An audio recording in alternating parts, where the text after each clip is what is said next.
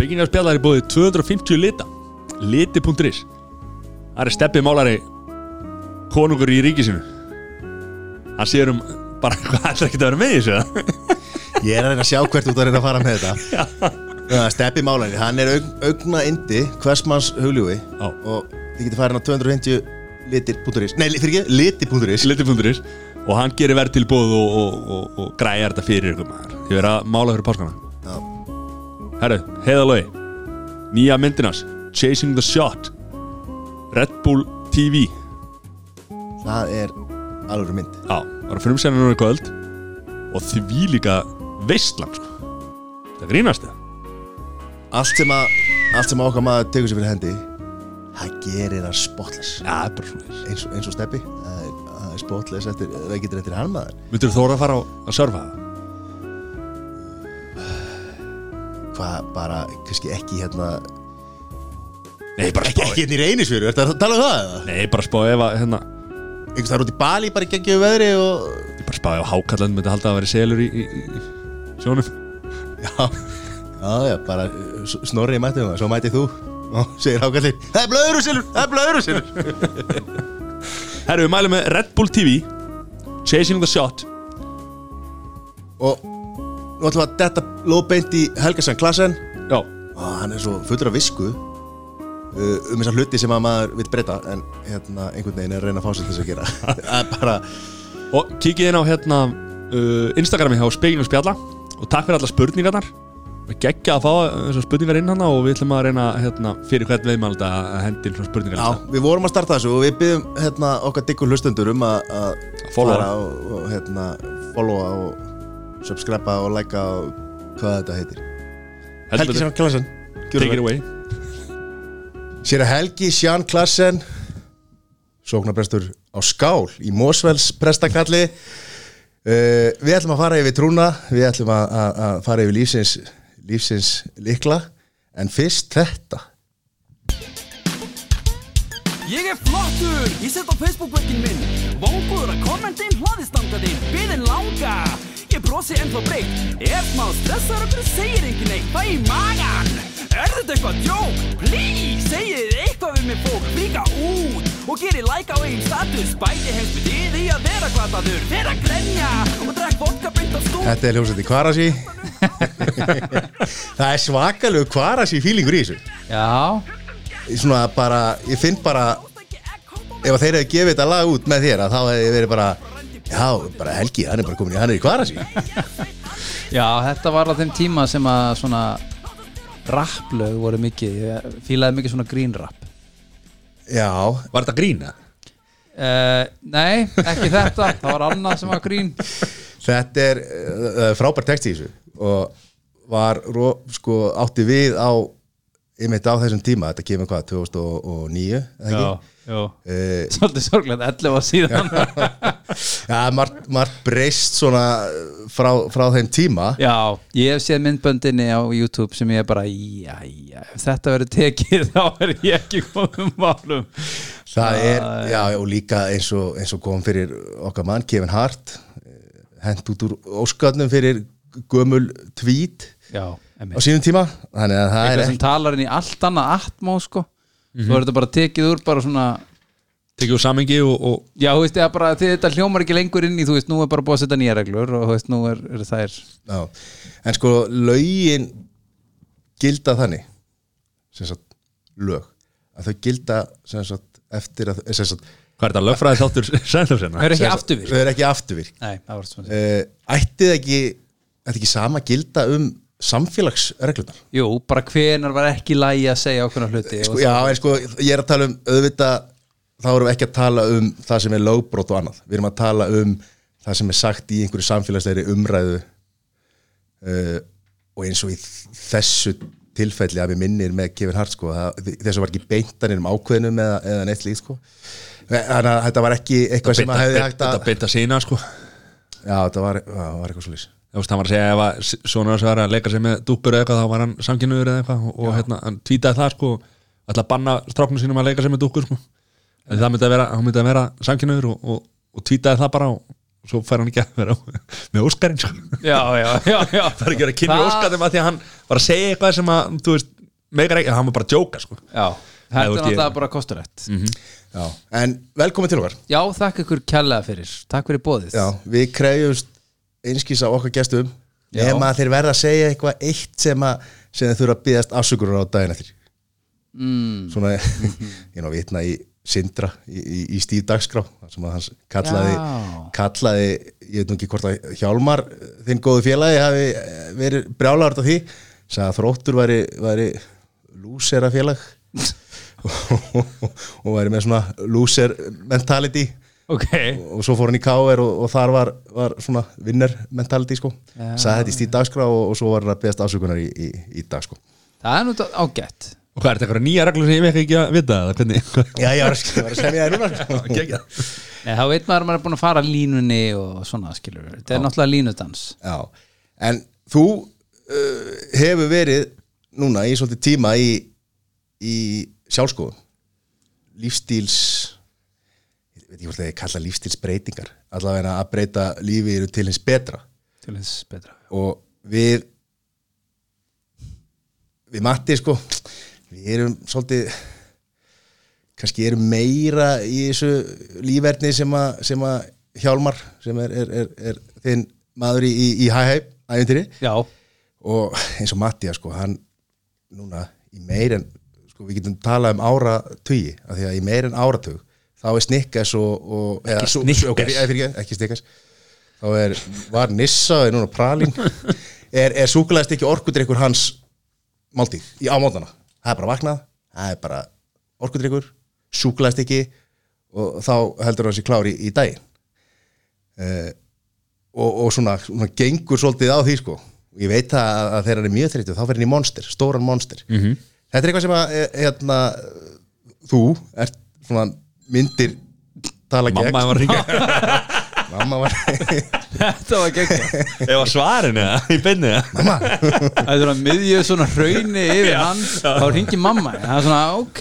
Þetta er karma sko. Ég hefði náttúrulega átt að hækka í og svari Já, ringdi hana. Nei, ég, á, jú. Tjekka í ég er að fara að skamma mig Já. prófum. Nei, Látum hana segja eitthvað sem hún sér eftir. Já, sko, Þetta er náttúrulega í bytni, þannig að það er enginlega að klippa út. Nei, má aldrei hafa gaman hérna. Tóku nýja persónavendar reglur gildi þetta samanæmist ekki. Lilli lögfræðingur sko. Ok, ok. Hvað ætlar ætlar að halda hann að drulluðu mig? Ég fæ mér orkustykki og, Monster. Mo- Monster og, og, og, og nammi á mótana já, Já. Og svo ferðu hvað fimm sem að klósti yfir daginn? Og finnst það skrítið það Nei, ég meina það er eðlilegt að fara þrísar á klóstið. Gera með tvö á dag. Sækja þetta rannsóknum ok, hvar, hvar lastu það? Bara, ég meina það er alltaf þetta Það er bara eð- eðlilegt. Bara doktor, eða eitthvað Ég veit ekki, lækni.ri segja eitthvað, ég veit ekki til það Ég veit það ekki. E En þú, segir sagt, fann gamla grein frá 2009 þar sem að þú varst, þá varstu bara búin að fara í einn meðrunarkúr sem var mjólkukúrin frá 0 til 1 ás aldur Já, var það það sem ég sagði þar Göful djefa Innslög, já, já, já, Svona maður vikunar eitthvað. Já, en þetta er eh, svo Ánæg með rannsóknina samt? Já, já, ég hérna ég, ég ringdi, ringdi DFF og sagði eigið eitthvað á helga Eirik Jónsson. Já. Áttu eitthvað? En hvernig, sko þú hefur sagt á sögu en, en fyrir okkar hlustendur hvernig hvernig ákvaðstu að, að taka uppeyju í lífinu? Uh, Þetta er sko Ég hef svolítið sagt að uh, maður verður ekki andlegur nema þegar maður þarf virkilega að anda. Það er svona, þú veist svolítið þemað í því. Það er alveg enginn sem maður vill fara þangað. Svona bara kikið til með svo öll námskeið sem eru haldinn, sem eru einhver svona andlegu þema, lífstíls eitthvað þá er þetta svona, ja, svona 80-20 konur karlar við erum ekkert sérstaklega svona spendi fyrir því að vera eitthvað, "Heyrðu, ég veit ekki hvað er fokkan mér að gera hérna. Þú veist bara, getið fengið einhver einhverja leiðbenningar, bara þú veist, við erum svona meira gróari og við viljum bara, þú veist, að okkar leið virki og, þú veist, og þess vegna sko, ef það hefði virkað fyrir mig að vera bara áfram að, þú veist, borða pop og Pepsi Max og raun langt fram á nótt og vakna og seint og, og þú veist, fá mér hérna hambúrgara í morgun mat og detti í það um helgar sko og, og, og fara nýr í bæ og hösla og allt þetta ef það hefði bara virkað fyrir mig þá hefði ég ekki hætt. Það er bara, ég hefði ekki hætt í þú veist, það var engin ástæði fyrir mig þú veist, á meðan það virka fyrir að taka monster á mótnana og súkulæðs og þú veist bara ekki um aðra betri leið að virka fyrir þig bara white change, skilur við og líka ef það hefði fæðist 20 árum eða 25 árum fyrr þá hefðu allir eða, svo, það, það var fólk kannski ekki að breytast svona því að samfélagið og allt saman eins og voru að tala um það var allt annað andrumsloft ef það hefði farið í svona mikla breytingar og, og, og svona þá þá hefði hérna gömlegu kallakallni bara, hann er bara farin yfir um. En eru við ekki kallanir ennþá bara þannig? Úst, þetta, er að, þetta er að færast hægt og rólega yfir. Jú, jú, sko, ég get alveg, sko, það er engar alhæfingar í þessu. Ég, og ég er bara, hef alltaf verið svona svolítið mjúki gæinn, þú veist, það er ekkert nýtt hjá mér, ég hef alltaf verið svona ég var, man, ég var að horfa á Bachelor þættina sko, 2001 eða eitthvað þú veist, ég alveg búin að lengi bara svona, veist, að verið svolítið svona kvenlegt eðli í mér með þetta. Og ég, að að ég held sko, ég var rosalega kvíðabolti var alltaf rosalega kvíðin sem krakki. Og hérna mann, þú veist, ég var að fara á reyðnamskeið eitthvað mann og hérna þú veist, með einhverjum öðrum krökkum og það var bara svo mikið fyrir mig, ég bara ældi á þenni fór, þú veist, ég var alveg svona og var rosalega leit blúmer ég hérna bara fór, þú veist, í, í gagfræðaskóla ég, ég var ekki laður í einaldi svona, en, bara var á kantinu og var rosalega mikið í íþróttum bara. Og var bara svona, veist, solid guy í íþróttum og svo fór ég í Vestló og ég, ég fór svolítið með fram veggjum þar. Og það er bara því að, þú veist, það virkar rosalega illa fyrir mig, veist, bara mér litist svo óheyrilega skóli. Ég fannst hann bara hræðilegur. En ég vissi hvernig átt að vinna ég, ég gæti lært undir próf ég gæti unni með hérna, sektakendina og, og frestunaröftuna alveg sko fyrir prófin þá var ég alveg sveittur alla nóttina að læra taka all-nighter og svona? Taka allnættirna og, og klára prófin og svona. Svo kom ég bara svolítið út í lífið með þetta. Bara svona eitthvað klára prófmentality og bara, þú veist ætlaði að fara í vinnu og gera það sama og þú veist, það bara svona bara fresta, fresta, fresta, fresta og klára svo verkefni já, einmitt. Og hérna, þú veist, nýja yfirmaður minn, þú veist, kennarinn var bara nýja yfirmaðurinn og skólastjórum var fóstjórinn og þú veist, þetta var bara og, ég, og svo verður maður bara svo þreyttur á því að vera bara ekki að taka næsta skref í þróskanum sko. og það var bara það sem ég vaknaði uppið. Þetta er ekkert svona, ég siti heima að lesa mokkan með kaffi og er eitthvað svona heyrðu, ég ætti kannski að verða andlegur eða ég ætti kannski að snúa lífi mínu við. Það var nú kannski svolítið sniðut þetta gerist alltaf í, þú veist, shitinu á botninum, þú veist, þetta er svona ég tala um þetta í moldinu, sko, þú ferði í moldina og dýpri moldina og maður sér yfirleitt ekki út úr neinu. Og yfirleitt er þetta þannig að maður hugsa bara eina sem ég get gert núna er bara skadamingun það byrjaði bara, ég, ég nenni ekki að vera veist, þunnur aftur, bara þetta er skadamingun það er eina sem ég ætla að viðkynna, ég nenni ekki að vera þunnur aftur. Og eða ég nenn ekki að vera alltaf að fara að byrja á megrun á mánudegi þú veist, enn einu sinni á hnefanum. Gat ekki kift minni það prógram. Og þá er maður svona sem í bara þú veist, það er bara að fara að skrá mig út. Þú veist, það nenni ég þess ekki. Þú veist bara, hver eru valkostirnir? Þess að bara heldur maður alltaf áfram að vakna á mótnana þannig að það, er ekkit mikið í, í bóði nema bara að fatta þetta. Það var svolítið það sem komið við mig. Bara svona, heyrðu, nú þarftu bara svolítið að fara að fatta þetta. Og byrjar ótrúlega hægt ótrúlega svona litla breytingar bara svona en, en stöðugar.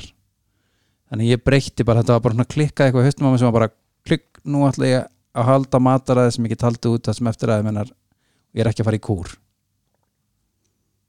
Og ég hef ekki gert það nema ég bara það kom úr ótrúlega miklu veist, fokki, bara svona sársöka og ég er ekkit, það var ekkit ykt í minni drikju, það var ekkit ykt í minni mínu mataræði, ég var þú veist, ég var ekki með offitu, ég var bara svona með bara bumba á mér. Veist, ég datt í það um helgar ég drakk, sko, drakk aldrei bjór um sko virkandag, nema ekki föstöfun alltaf þú veist, það var ekkit ykt við þetta nema bara svona ótrúlega mikið láteiða og þegar ég var búin að vera hættur að drekka í einhvern tíma þá var svona eins og það hefði farið svona grár filter bara af lífinu. Og mér fannst ekki þetta anda dýbra og þetta gerði svona þrem mánuðin setna ég fattaði ekki hvað þetta hafði mikil áhrif á mig. Fyrir en ég bara prófaði að hætta. Maður, maður, ég tek alltaf dæmið um froskin í pottinum ef hann er svoðin hægt og rólega þá svona hann til döðanum hent úti þá hoppar hann upp úr. Þannig að þú veist ég, ég var bara búin að vera svoðin froskur, þú veist, það er bara það sem er. Svo bara allt í hennu vakna maður rumska maður við sér. Já. Allir kannast við það að byrja í janúar og nú, nú verður þetta, nú keiri mig í gang. Einmitt. Og svo duði það í mánuð, tvo mánuði kannski. Já, meðan að sektakendin er til staða sko. Stundu bara 12 dagar sko. Já, stundum bara, jafnvel, sko, byrjaði þetta vel á mánudegi, þriðdegin, ég fekk mér bragðar ef á miðgudegi, þannig að þessi vika er, einmitt, þessi, vika, þessi vika er ónýtt, þannig ég byrja bara mánudaginn aftur, nema sunnudagurinn var svolítið svakalegur og mánudagurinn var ammæli þá, þannig að ég byrja bara aftur næstu viku, en þá var eitthvað annað og þú veist, þetta svona þessi gæði, sko. En þetta er freistandi, taka bara góðan mánuð, skafa af sér, finna, þú veist, árangurinn, vera gladur, en meðan maður keirir á sættakendinni þá mingar hún líka þegar maður nær árangri og þá hugsa maður, hvað ég eftir að ágjur af? Ég þarf ekki að ágjur, þetta er allt í gutti Mhm. og þannig ferði aftur inn í spíralin já, já. Við Matti tókum nú Sober October. Ok, og vorum í keppni. Hver getur drukkið minna? Já, þú drakst að þá varstu disqualified. Ok, og hérna e, við fórum ymmit akkurat ekki þessa lið hvað misti ég mörg kíló? 11 kíló einu mánuði Matti 13 eða eitthvað. 13 og ég hérna, afsaka, eh, hérna skýra mitt mál mörgum sinnum, ég eignaði spann í sama mánuði sko, sem að var tíu dag á, á barna, spítar á ringsi sko, á vökudeildinni sko, á gjörgæslu á sama tíma og ég var bara að taka arbegur á, á hérna á fæðingadeildinni til þess að sátta stegu sko, til þess að reyna að vinna hann sko. Það mistur 11 kíl Gekst þú með barnið það? Barni var nú reynda bara 2 kíló sko þannig að það hefur ekki hjálpað mikið Nei, sko. mikið. Já, það var þessi 2 kíló sem að ég vil alltaf upp á. En, en, þetta er alltaf svona, þú veist þetta er hægt að viðhalda þessu sem ég Nei, er að það gera? er alveg máli sko, þú getur ekki viðhaldið því. Þannig að ég, ég spyr mig alltaf alltaf því ég er komin í þetta og þetta gerist ótrúlega fljótt. Bara ég er komin í einhver rosa reyfingu og þú veist, fimm dagi viku eða eitthvað þú veist, bara svona kemur, en get ég viðhaldið þessu?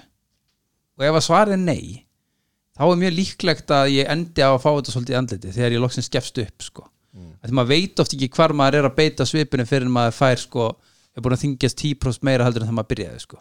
Já, það er eitt skrif áfram, tvö skrif aftur á bak Í- Já og, og þetta er líka bara að meðan maður er að fara í gegnum þetta, þetta veist, ég segi bara ég fór á persónuleika skrið persónuleikin á mér skrýður hann byrjar að breytast og ég er bara svona mér líkar það gamla mótili sem var bara nú fer ég í megrunna bara svona, nei nú er það búið og þá svona byrja allir þú veist, ég byrja að skrýða og ég bara svona, ég er ekki lengur guður sem að gera það. Og það er alveg svona, eins og maður segir sko, margar tilraunir. Koma alveg dagar sem að fellur fellur, svo er það eitt. Að það er sko það er ekki vandamála að fengi sér þú veist, bræðar á miðgudegi, það var ákvörunin að nú væri vikan ónýtt þannig að það veri best bara að taka restina vikunni í að sukka það var honda ákvörunin og uh, þetta rækka nagli hafa einmitt, ég lasa hjá henni. Og hann segja, þú veist, þetta er eins og, þú ert að lappa niður stiga þú rasar í einu þrepi þannig að þú kastaði bara niður allan stigagangin hvort þið er búin að klúra þessu? Bara "Æ, hvort þið komst ekki niður á þetta best að henda mér niður restina. Og svo finnum maður allar afsakanir í heiminum. Þú veist, "Ha- ha, það er stórtaður í vinnunni hérna í næstu viku. Ég get ekki verið að verið í þessu núna meðan ég er undirbúið mig fyrir það, ég byrja eftir það. Já. og svo þegar það er búið, þá er bara einhver næsti punktur sem að þú byrjar, nei ég er að hérna, "Æ, ég er að fara í fermingu, ég er að fara í brúðkaup ég er að fara í það er alltaf hitt og óndu, þetta. það er bara alltaf óndu tími til að byrja. Bara er ekki bolludagun já, heyrðu, ég geti fyrir að byrja á bolludegi. Það, er- ég held að fá bollur. Það er þetta á mándag, ekki þær er hann á mánudagi næsta. Það. Já, en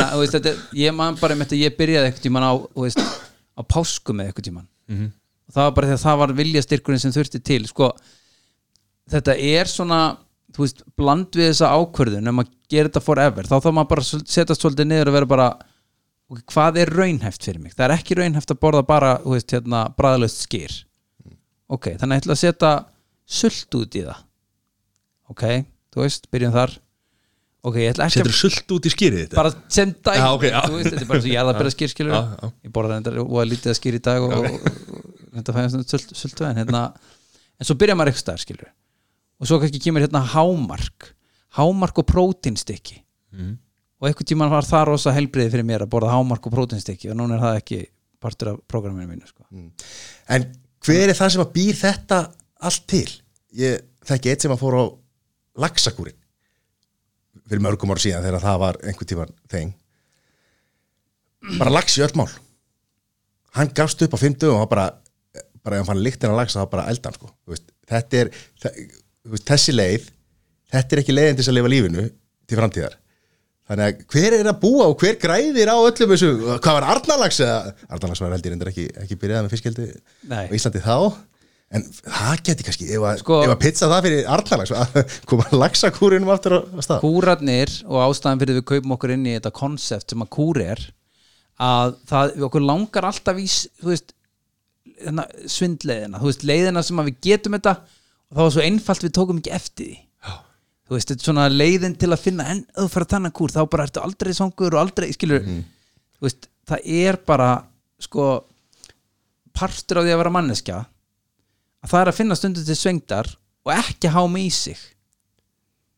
Það er bara eitt dýllin við það, ef maður alltaf ekki þú veist, fara alltaf að bæta á sig þá er bara stundum þannig að stundum finnur maður aðeins til hungurs og maður þarf ekki að fríka út yfir því.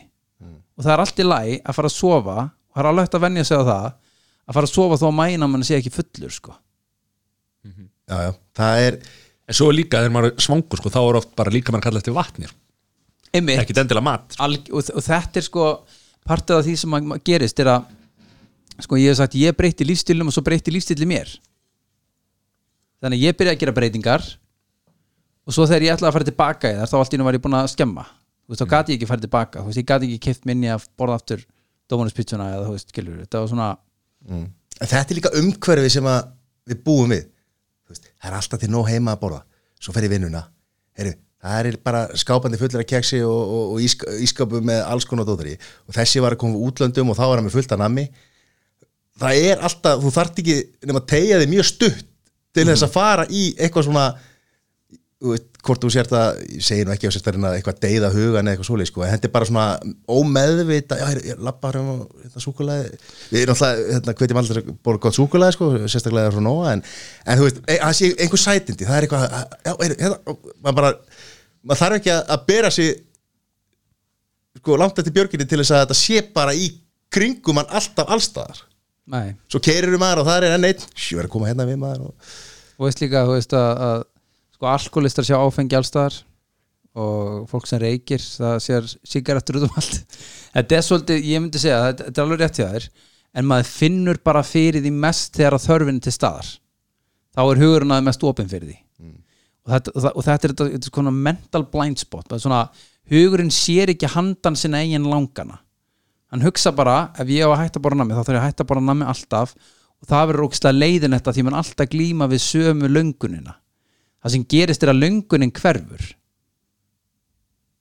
Þú tekur gott tímabil í einhverju sem er bara, þú veist ert ekki að hrefa við blóðsikrunum og kemur góð blóðsikru stjórn þá sérðu svona móla og þú manst eftir þú fóst síðast í svona þá, þá fannstu fyrir því þegar blóðsikurinn rauk upp og þú fannst að það kom svona auka hjarsláttur og þú fannst að og fegst bara svona krass eftir það.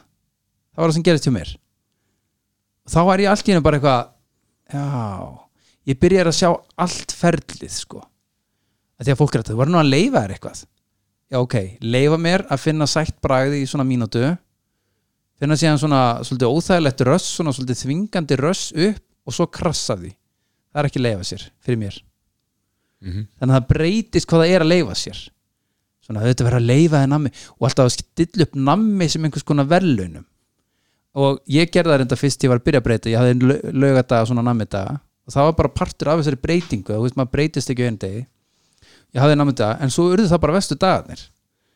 Að því að þegar ég vaknaði og fór að hámi mig eitthvað nammi þá var ég bara, eða þú veist ekki einu svona hámi í mig, en ég bara var að borða eitthvað rosa mikið sigur beint í kerfið.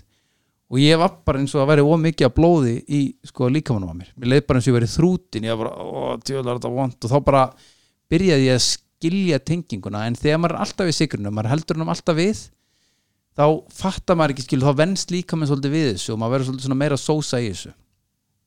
En áfengið, var það ekkert sko, að skrýtna við áfengið að hérna þegar, að því að sko, þetta er eins og svona ég hef stundum lesið hérna status á Facebook sem eru hérna eitthvað svona ég kött át sigur og ég tók svefnin í gegn og ég hent út áfengi og ég gerði þetta og hitt eitthvað svona. Og ég er svona, já, ok, ok svo stendur neðst, ég veit ekki hver ána status en djöð lítur þetta var leðilegt og ég alveg á, nei, þú veist, alveg, fyrir mér var þetta bara mjög basic, sko. En þetta gerðist og það er náttúrulega sko ég var einn af þeim sem vildi bara ef ég fór í kúr þá hann bara í mánuð upp á dag og ég ætlaði að kötta mér bara heimsmet í kötti. Það átti bara að renna mér ákveðið magna lýsi á hverjum deg og ég var bara meðvitaður um það alltaf. Svo er það hinn leiðin sem er svona ég ætla bara að borða góðan mat ég ætla bara að gera góða. Ma- ég fæði svona, svona mömmu heimsbyggi svona gera allt hægt og rólega og bara fara í göngutúra og þetta hljómar svo leiðinlega. Þú veist, ég vil bara fara að taka á því og refsa mér að því á það skilið. Og við segjum oft refsa á lóðunum en þau eru, þú veist, ekki með tilfinningar þannig ég veit ekki hvernig þetta refsa þeim eitthvað. Maður er náttúrulega bara að refsa sjálf með sér sko. Þannig að hérna og ef maður er ekki með haspurð þá gerir maður ekki nóg sko. þá gerir ekki nóg. Ég fór einmitt á einu svona æfingu og hérna, ég fór til Gils og hann let mig gera eitthvað prógram og armbeir í lokinu og var búin að taka bekkin alveg armbeir ég komst ekki úr bolnum eftir æfinguna, ég þurfti svona eiginlega bítan af mér. Ég var svo búin í höndunum. Aftur er það sustainable. Það er ekki líklegt að ég geti viðhaldið því að vera alltaf þannig. Þannig að næst ég fyrir æfingu þá er svona, ah shit, ég er að fara að fokka mig svo mikið upp. Geri það aftur, svo geri svo bara nenni ég því ekki og endan þá bara flosna ég upp að því þetta var ekki gaman. Þetta verður að vera gaman. Og þá er einmitt búið að búa til þú veist, allt þetta crossfit og bootcamp og svona þess að gátt ekki verið inn í eða nefndi ekki að vera inn í, inn í þeim sal sko og svo búið að búið til mjölni sko, svona bardagalist í kringum einmitt líkamsrækt en ekki að vera inn í salnum og lifta refsa loðunum Einmitt. en er ekki einhver svona er ekki einhver svona gullni að því að sko, er ekki hægt að fara þessa leið að eins og, eins og eh, bara ég tala fyrir sjálfa mig. Ég þarf ekki að bara tvo diska eða þú veist, fá mér aftur á diskin samt gerir maður einhvern veginn alltaf. Ég reyna að tæmja mér að fara bara einu sinni og borða minna að því að hérna það myndi nú ekki fara með mér í gröfina að borða þess minna það fór með ungan mann í gröfina. Hann borðaði aðeins minna en hann var vanur og liggur nú látin uh, að heimilu sínu. Stendur leggstunum að sleppti setni ferðinni lendi hérna. Að svona og eins og, eins og bara og eins og maður gerur og þú veist fær sér í glas, það er eitthvað brúðkaup skilur við, maður Já. gerir eitthvað. En svo er maður kannski ekki að hugsa um það uh, nema þeir eitthvað tilefni. Eins og það ánáttúrulega vera þú færðir maður á að geta, skilur, en svo bara eru margir sem eiga erfitt með það, sko, og ég skal alveg ekki að ég einn af- af þeim, sko. Hvað er þetta lengsta spurningi það þarf ekki alltaf að vera hambúrgari og pizza sko. Það má svona já, við ætla að fá mér pizza í kvöld. Já, þú veist og svo borða maður holtin á milli. Sko, það, það, myndi það skemma, ef þú talar um þá hækkar blóðsyngur og svona, myndi það skemma þetta dýnamíka eða? Sko málið er bara það þú veist, þegar þú breytir lífstílnum í einhvern tíma þá er mjög líklegt að lífstílinn breytir þið tilbaka. Þannig að það sem þú hugsar um sem hambúrgar á pítsu núna verður ekki hambúrgarinn á pítsan sem þú heldur að þú veist, það verði. Þannig að Já, þegar já. þú er komin og búin að breyta lífstílnum það sem gerist hjá mér er að hambúrgari hætti að vera hambúrgari eins og hann var. Ég fíla alveg góðan hambúrgara ég fíla alveg að fá mig pítsusneið en ég þarf líka eiga, þú veist, ég þarf að vera bara svona með pláss fyrir það. Ég borða ekki yfir mig af því. Þú veist, þannig að og það er nánast, sko, maður nánast sirgir líka stundum, sko. Þú veist þegar maður er að missa ákveðna hluti eins og bara hambúrgaran allt í henni get ég ekki bara þú veist, hérna, svona fengi sem slökun út í því að borða hambúrgar eins og þú veist það var. Að því að þetta er svona og þá, þá mann alltaf átt að segja fljótlega á því að þetta eru tilfinningar. Þú ert að borða tilfinningar. Matur er bara hérna, tilfinningar. Þú veist, þú ert að þú ert fær, og einn vinu minn hafa svona breakthrough moment hjá mér, við vorum í bíó fekk mér eitthvað pop og svo var ég eitthvað með sóta vatn og svo var ég svona, æ, fæ mér eitt tröin hann er, nei Helgi maður, þú vilt ekki þessa vímu. Ég alveg, já raunan alltaf bara víma. Skilur, þetta er, þú borðar, býtur í ah, slakar á og, veist, og svo eftir það er svona aðeins svona, þú veist, kemur svona smá sigur á þig. Þetta er alltaf bara víma. Hvernig vímu viltu? Þú veist, og ég áttaði mig á því eftir því sem ég var skarpari og skarpari í því að veist, fimm daga djúsfasta breytti bara til dæmis algjörlega sín minn á mat.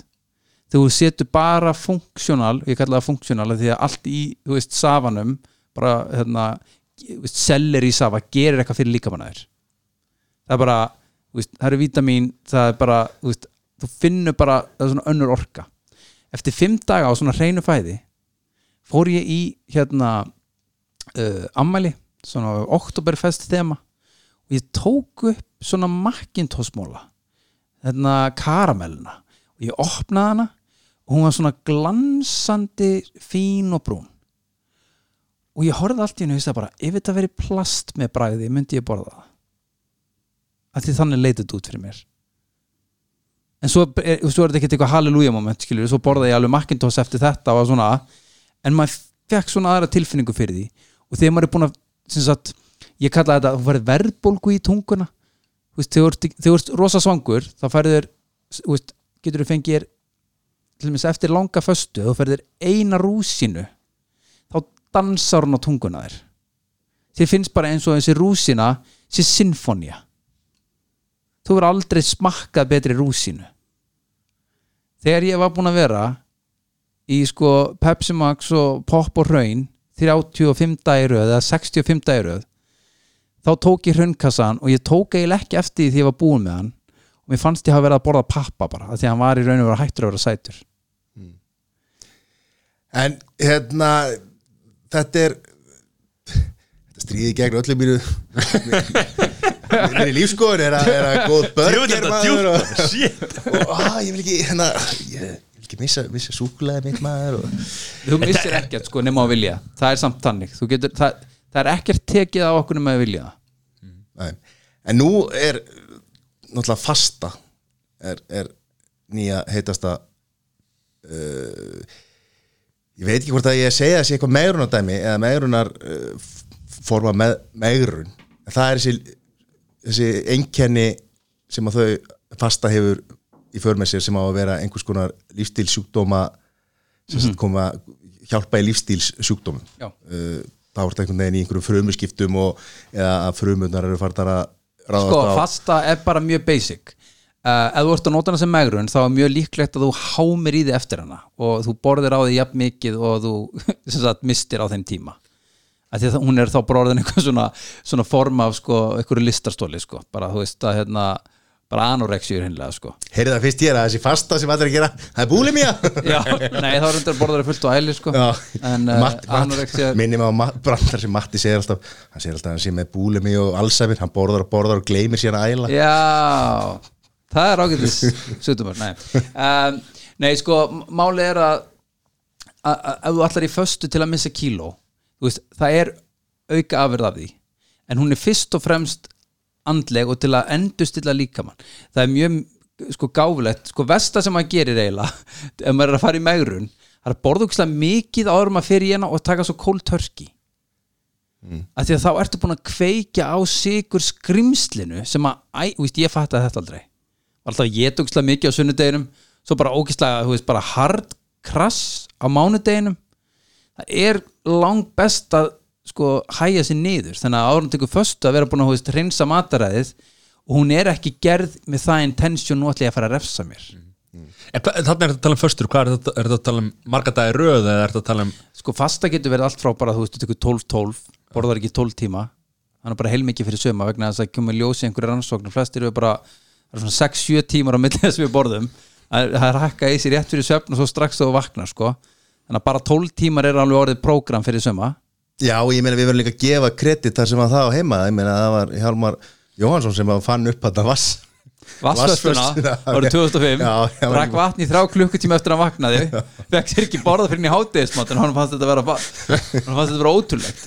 En, en það er eitthvað sem gerist í föstunni að því að þú veist, maður er alltaf þegar maður finnir til hungurs ó nei, ég er svangur. Og þá er svona svo sé eitthvað neyðar ástand ég verð að borða svo kemur bara ljós að það er ekki að því að hungrið fer.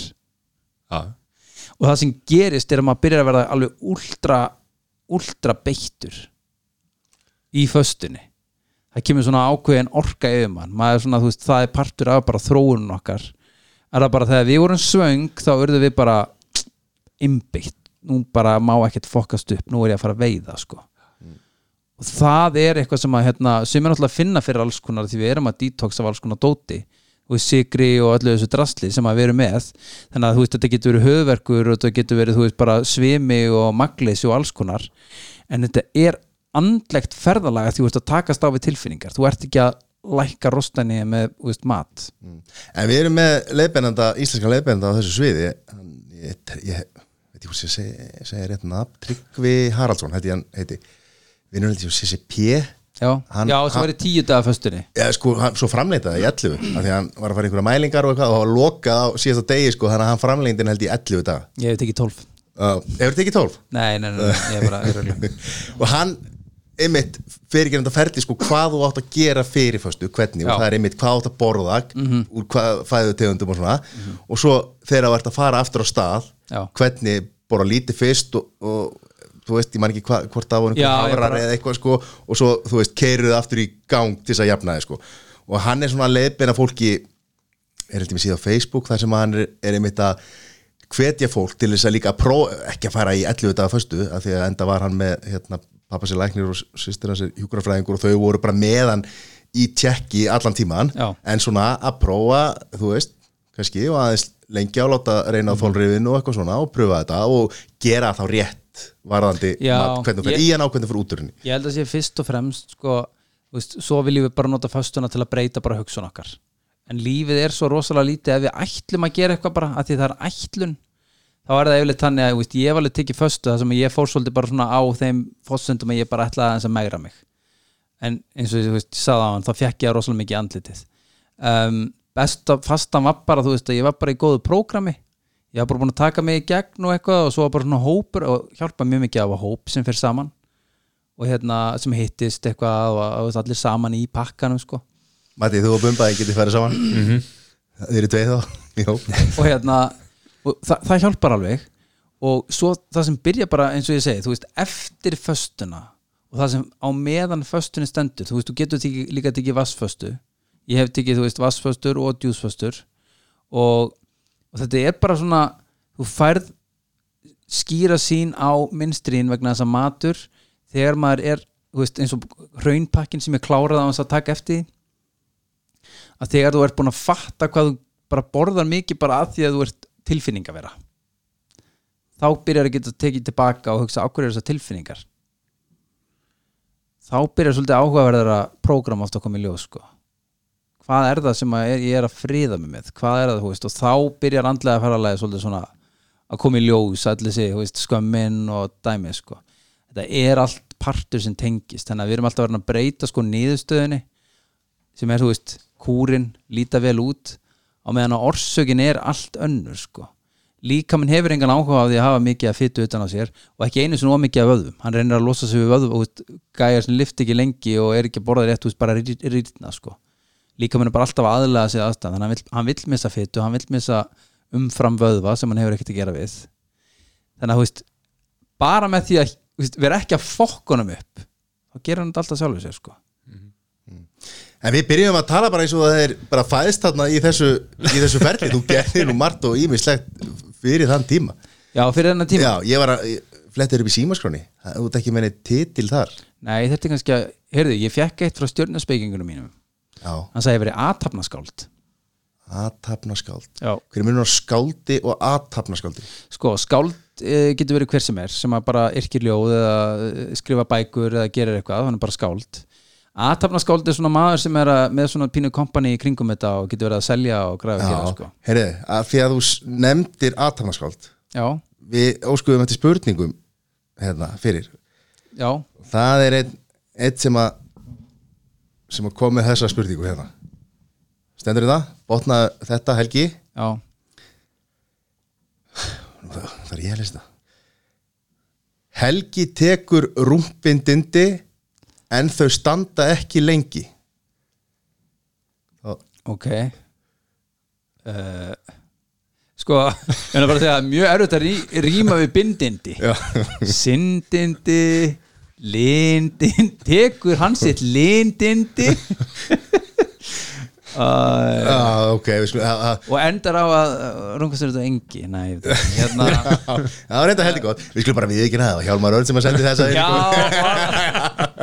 hann hefur tekið sér til. Já. sko, já, til dæmis, það er nú skemmtilegt sko, rúmbindindi, þú veist, það er eitt sem að í öllu þessu geira sem ég er að, þú veist, í þessari sko þroska ferli sem maður er í allt sem maður hefur einhvers konar haft einhvers konar tak, allt sem maður grípur í þegar það er erfitt, þú veist saman hvort það er matur eða þú veist að hugl, þú veist ég farið hérna og svona hérna silent retreat eða kyrðarbökur, það sem hún talar ekki og, og heilsar engum daga er bara, ég kalla það dónaskap? Já, bara dónaskapur Nei, bara þú, það er ekkert aukkontakt en eitt maður er bara í fimm, daga, hvar er þetta? Þetta er hérna í Skálholti Já. og ég er endur að halda sjálfur retreat núna í uh, útlýð í logmannar 22. februar Hægt að hafa samband við þig til þess að, skrá sig í það? Já, þú veist, þar er ég bara að fara í gegnum alltaf því ég er, sko, retreat er bara það besta sem ég hef verið að gera.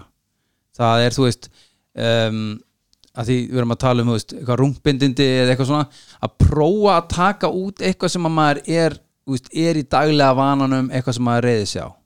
Og bara, bara það eins og fimm daga, sko, það sem við töluðum ekki veist, eða fara veist, og, og hérna, þá bara sér maður bara hvað haus, hvað er margt í gangi haustum á manni.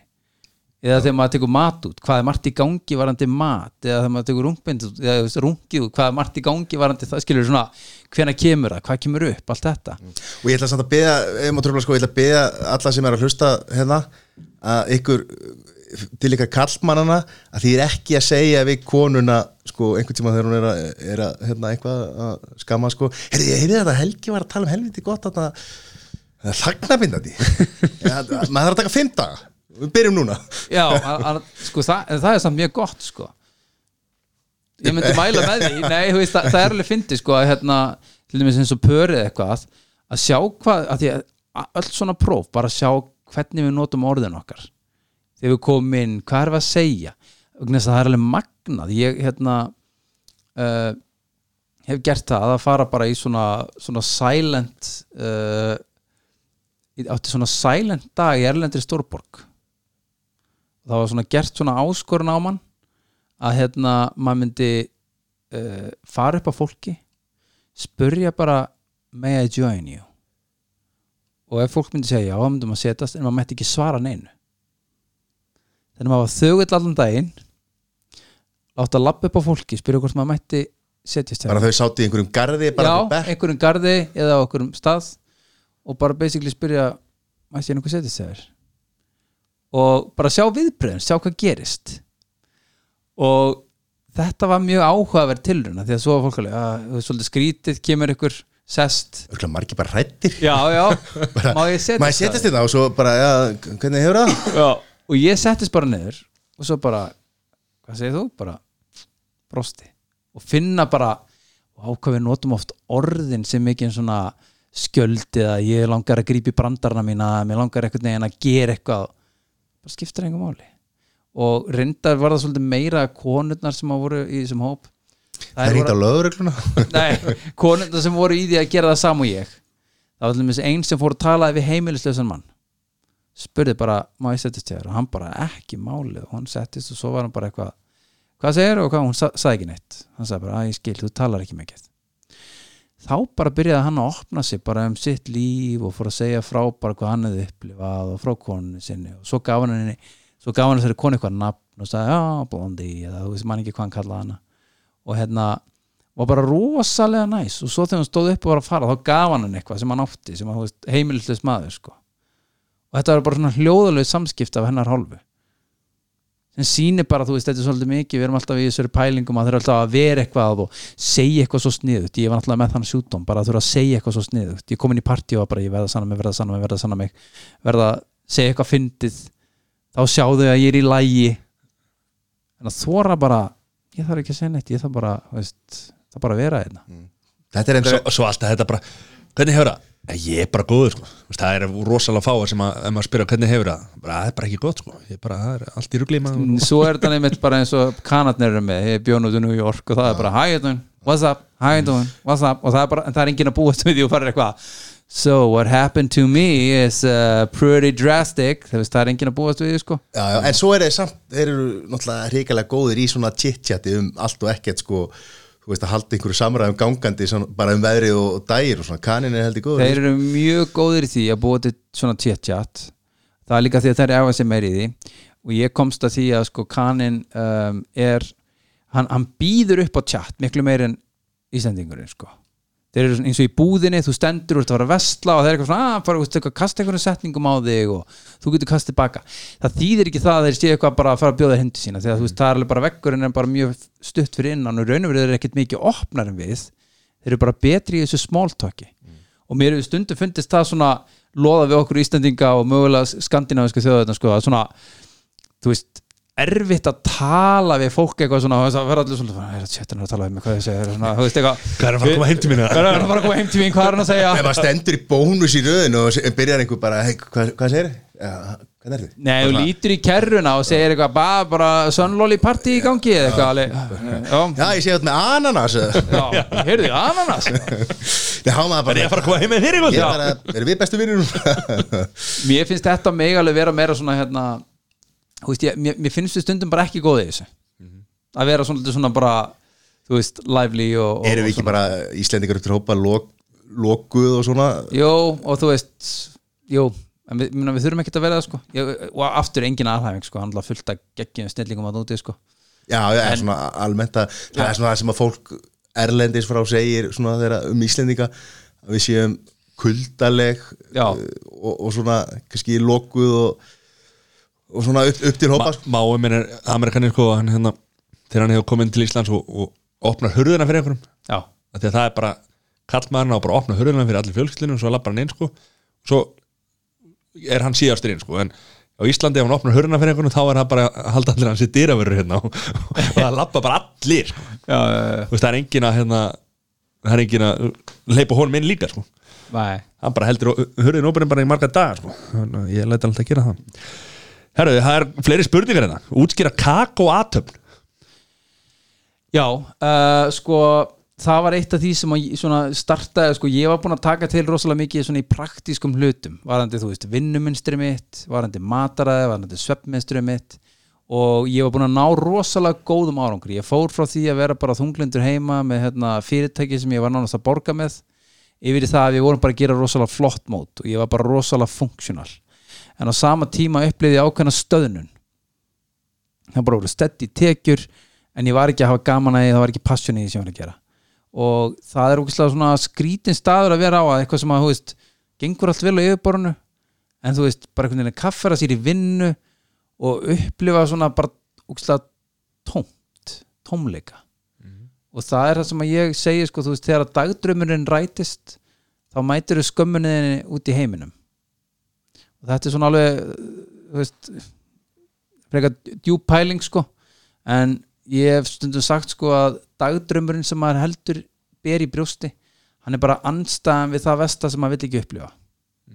Ef maður vill ekki upplifa nokkt með að vera fátækur þá er dagdrömmurinn með að verða gett ríkur. Nema svo því er orðin ríkur þá fatta ég að það var ekki það sem að leisti vanda minn. Mhm. og ég upplifði það mjög stert að svona þegar ég var orðin svona einhver orðin svona functional sem að við hefði dreymt svolítið um að ég var veginn bara upp í sófa eða, bara í rúminu og fannst ég bara ekki geta tekið þátt í þessu samfélagi. Að þegar mér tókst að geða þetta vel þá var það samt eiginlega ekkert betra. Þannig að þá kom svona þörf fyrir eitthvað dýbra heldur en bara svona ytri velgengni sem að ég var eitthvað bara svona að hakka mér út fyrir. Og þá fór ég inn í kakóatöp sem er by the way, þú veist, bara gæti bara verið talið mjög skrítin aðtöp það er bara þannig uh, hún gengur út á að bara setja í ring, drekka 100% kakó. Og svo er þetta svona bara setja allir saman í ring, það er jafnvel farið í ringin og einhver deilir, svo veist, fólk deilir af einhverju hvað það upplifir hvað það vill setja, sagt svona ásetning fyrir aðtöfnina svo er yfirleitt einhvers konar uh, svona uh, sko, ekki tónlist heldur bara svona verið að spila og skálar og slá í alls konar klukkur og svona. Fólki sem situr í hringnum já, þetta er kallað svona tónheilun. Svona eins og sá sem heldur já. býr til svona tónheilun. Þannig að það er verið að búa til svona og kannski spila eitthvað smá tónlist og það er verið, þú veist, svona leitt hugleðsla eins og það segir bara svona, veist, að fara inn á við og anda og stjapil einhverju öndunæðingar og svona. Og oftar en ekki, þú veist, ég fór inn í kakoseremóni sem var bara þannig að, þú veist allt í nú var bara eitthvað kona grátandi og ég vissi bara ekki, bara, hverju er hún að grenja þú veist, hvað, hvað er í gangi? Og það er bara þeir sem hafa farið oft og þeir sem að, þú veist, eru með mikið að unloada eftir vikuna eða lífið eða eru búin að gangi gegnum eitthvað erfitt. Þetta er svona svolítið space þar sem að kakóið það er kallað hjarta opnandi en það eru hérna uh, ákveðin svona bara alveg eins og kaffi er svona þú veist, go orkan sem að keiri mann áfram. Þá er kakóið svona keirið svolítið í dýftina þannig að verður svona miklu meira íhugull og ég var alveg bara, vissi ekkert hvað þetta kakó var þannig að ég satt í fyrstu ceremonínu og var bara hvað er þetta? Hvað er ég að gera þetta? En ég fann samt að það var einhver svona þægileg orka svona, svona því ég hlusta eftir henni sko. og ástæðan fyrir að kaffi er út um allan heim og kakó er bara orðið eitthvað súkulaði með eitthvað hvítum sigri og mjólk það er því þú þarft svolítið að hlusta eftir kakóinu kaffið er bara keirið beint áfram og þú er bara í gýr kakóið er svona þú ert alveg að sitja niðri og svolítið að huglega sko. þá finnur það og svo byrjar að tengja það inn á það þá er nóg fyrir mig bara að fá kannski veist, eitt sopa kakó og þá allt einu detti niðri svona þessa slökuna því ég er bara búin að temja mér það í gegnum aðtapnarnar og svona þetta er bara svona, svona atmóð sko. Hvar ferði þessar aðtafnir? þær eru svo sem uh, víða ég ætla að reyna að halda eitthvað í kakókastalunum þegar hann verður komin á ról Já, en það er eins og þú veist Júlía vinkona mín uh, hún er svo sem að kom með kakó til Íslands og ég fór fyrst í ceremoni í henni 2016 Það er samt held ég sjátt á okkar menni Nóa Sirius sem er held í stærsti kakó og innflýtandi landsins en já, það er ekki kakó sem er að um. Bara alls ekki. Það er hérna, en að vísu þú veist hann komið úr 100% kakó Já. og kakóð er ávöxtur. Kakóbaunin er bara ávöxtur. Hvað ekki, dý, er ekki dýrt það? jú, þetta er ándýrt maður er haldið það. En ekkert með við það, þú veist að sko, áhrifin sem færð og, og, kannski ert ekki að blanda mikið blandar þessi vatn eða hvað? Já, ég get sett í alls konar vatn eða möndlimjólk eða whatever. Ég blandaði þessi vatn, sett kókosolíu og kæjanpipar og mér fannst þetta hræðilega beist fyrst og það er svona partur af því að minga verðbólgun í tungunni. Það er að komin aftur í það að sko vilja þetta betra og vilja svona þessar hluti sem er ekki svona dísætir. Og það er það sem að ég mitt sko allir þessir sko mikið af þessum orkudrykkjum sem fólk er alltaf að setja í sig þú veist, þeir bara eigðilegja tungun á fólki. Þeir eru það sætir að þeir bara rústa að þú, veist, hvernig smakkast brokkoli þú eru búin að drekka eitthvað sem er eins og kandiflós og bræðið brokkoli bara tapar það tapar. Þannig að ef ég ætla að fara að finna bragð af brokkoli þá er rosalega erfitt að setja bara inn hérna, þú veist, kandiflós á tunguna mér sko. Þess vegna líka byrja maður að hugsa þú veist, þegar ég verð að halda mér í þessum lífstíl þá er ég bara, ég vil ekki missa, þú veist, bragðið af brokkoli eða, þú veist, segjum bara það þú veist, og þessi mjög, hljómi mjög leðilegt græmiti uh, en ég vil, vil ekki missa bragðskinið að mér, ég finni, þú veist, hvað það er gott að því að það er svona cheap thrill. Mér finnst bara svona ódýrt að fá mér eitthvað svona ógislega sætt bara til að finna bragð. En þetta er bara svona þegar maður fyrir lengur inn í þetta sko.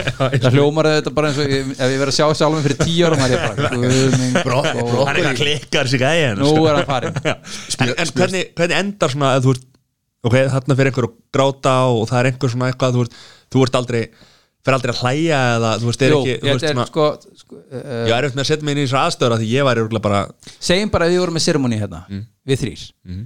Og ég myndi bara segja þú veist bara velkomstrákar hérna bara gaman að sjá okkur og hérna við ætlum að drekka kakó og hérna ég ætla bara að hella hérna helli bolla og, og svo komið þið og takið og, og ég byrði ykkur bara hérna um að, að setja ásetning í bollan bara hvað viljið þið að þessi bolli veit ykkur og færi ykkur frið og, og þú veist hvað viljið þið sjá í líf ykkar og hvað viljið þið meira af og, og svo kannski förum við ring og ég spyr þig bara hver er ásetningurinn og þú tekur ásetning og ég segi ásetning og, og svo myndum við fara að spila einhverja svona smá hérna, tónlist og hljóð og við myndum svona fara aðeins dýbrón í þetta og það kæmi upp alls konar hlutir og hann færi, við fara að gráta hérna og ég fara að gráta þegar við segja hann gráta skilur svona. Og svo eftir þetta myndum við fara að hlæja því þetta var allt svo fáránlegt og svo eftir þetta myndum við deila hvað við upplifum. Og eftir það myndum við faðmast og svo myndum við fara heim bara og hugsa djöðar þetta okay. þetta er ekki ekki að Óli Stefán á hljóðfæranum með húuna í Óli gangi. Stef hann er, ég hef nú, nú grátið saman og Óli Stef í á ceremoníu sko. að það er alveg eitthvað sem að Ég ætla að vona að hann hafi verið að gráta út að mörgur færi sem að klúraði fyrir Íslands en það er að unnus að já, já, hann var- hann var einmitt það. Hann var alveg, okkur klúðraði ég? Já, hvað er, Mattías, ertu með fleiri spurningar? já, úja, það er nóga spurningum með það maður. Hvað hérna það er kannski alltaf lagi að segja frá því að þetta útlýð, hérna, Já, retreat sem er allt í útlýð ég er náttúrulega búin að vera að fara á svona 4-5 retreat á ári sko. Allt á Íslandi eða? Nei, Nei. ég hef farið út að, hérna, í, í Kaliforníu svo hef ég líka farið hérna í Íslandi, fór á Tantra retreat Já, ég man eftir því, Þa, það, það voru allir naktir eða ekki, jú, ekki það? jú, jú. og ég er bara, ég er búin að taka með mér óheyrilega mikið af svona, og ég er enda búin að skrifa bók í þrjú ár um andlega, andlega faralagi sko og hún er, ég er alltaf að gefa henni til jól svo bara heldur þetta alltaf áfram og ég, þú veist, náðu ekki að gera þetta nógu vel hann að, það er alltaf næst, næst, klára hana. En ég er svolítið bara að nýta svolítið að deila áfram því sem ég hef lært og gert. Um, og þetta retreat er sem sagt frá föstu degi yfir til sunnudags. Það sem að maður kemur bara basically, við komum saman og við erum bara basically að fara að taka svona langa kakó helgi sko. Það sem að fólk er bara, því að við, við náum því svo sjaldan í dagsins önn að hafa tíma til að sitja bara að hugsa hvert er ég að fara eiginlega? Við erum rosa duglega að hlaupa en erum ekki alveg viss endilega í hvaða átt það er eða hvert við erum að fara. Svo átt að að sjá því þegar maður er búin að hlaupa alveg sko langt í burtu, sko. langt í burtu. Þá þetta ætlar er allt ferðalagi það er, það er ekki hægt að hlaupa ranga átt í lífinu sko. en, en þetta er bara svona fyrir mig, ég fór til sko gælæknis og sálfræðinga og, og, og, og taraldessara og stjörnspinga og þú veist satt í tíma og ég lærði fullt á því. En þegar kannski var tíminn var frá 11.05 til 11.55 og þá fór ég út og þá er allir bara einhvern veginn helt lífið áfram og bara bílar að kera á söglarsbröðinni og Fleiri spurningar í hausnum að já, já veist, og, en allt er lagi að lifa það sitt. Ég er ekkert að gera lítið úr því skilur Mhm. en það bara, bara kostar mikið og þetta er svona yngripp í lífmanns eitthvað á stundum var maður bara fullu þannig fokk, ég er að fara að hitta hann ég er að fara í samtals með fyrir á geðlagninu mínum. Og mættu til hann sveittur og ég er með einhverja díla í haustnum og hann eitthvað, hvað viltu ræðum í dag? Og ég eitthvað, já, hérna, uh, þú veist æskilur, þetta er ekki alveg já. en að taka heila helgi það sem er bara eitthvað, veist, bara setjum sér niður og bara, hei, nú erum við bara mætt hérna og við erum bara að fara að mæta okkur. Það er eitthvað sem að Og hvað er, er pláss fyrir marga? þetta er nefnilega ekkert stór hópur, þetta er svona 12-15 og það er geggjuð tala upp og það að gera allir fá pláss og svona, mér finnst það geggjuð tala og, og þetta er fyrir þá sem að vilja fara í einhvers konar aðeins að kíkja inn í hútið á, á, á Já, þetta sko, fyrir mig er þetta bara þannig að ég hafði ekkert val þannig sér um að farið ekki þú veist, á sínum tíma. Ég fann bara, ég var á þessu skriði bara ég, ég vildi breytast mér langaði til að sleppa og ég var tilbúinn. Og það var bara svona, það, það bara kom ekki til landi greina þannig að ég er búin að vera að tala við fólk búin að mikið af fólki sem er semst, búið að hafa samband við mig og, og, veist, er, þegar komin var ekki 9-10 plás sko. Þannig að þú veist, og ég verið að tala við bara veitt fólki, ég getur ringt í mig og ég getur spjallað hans um þetta.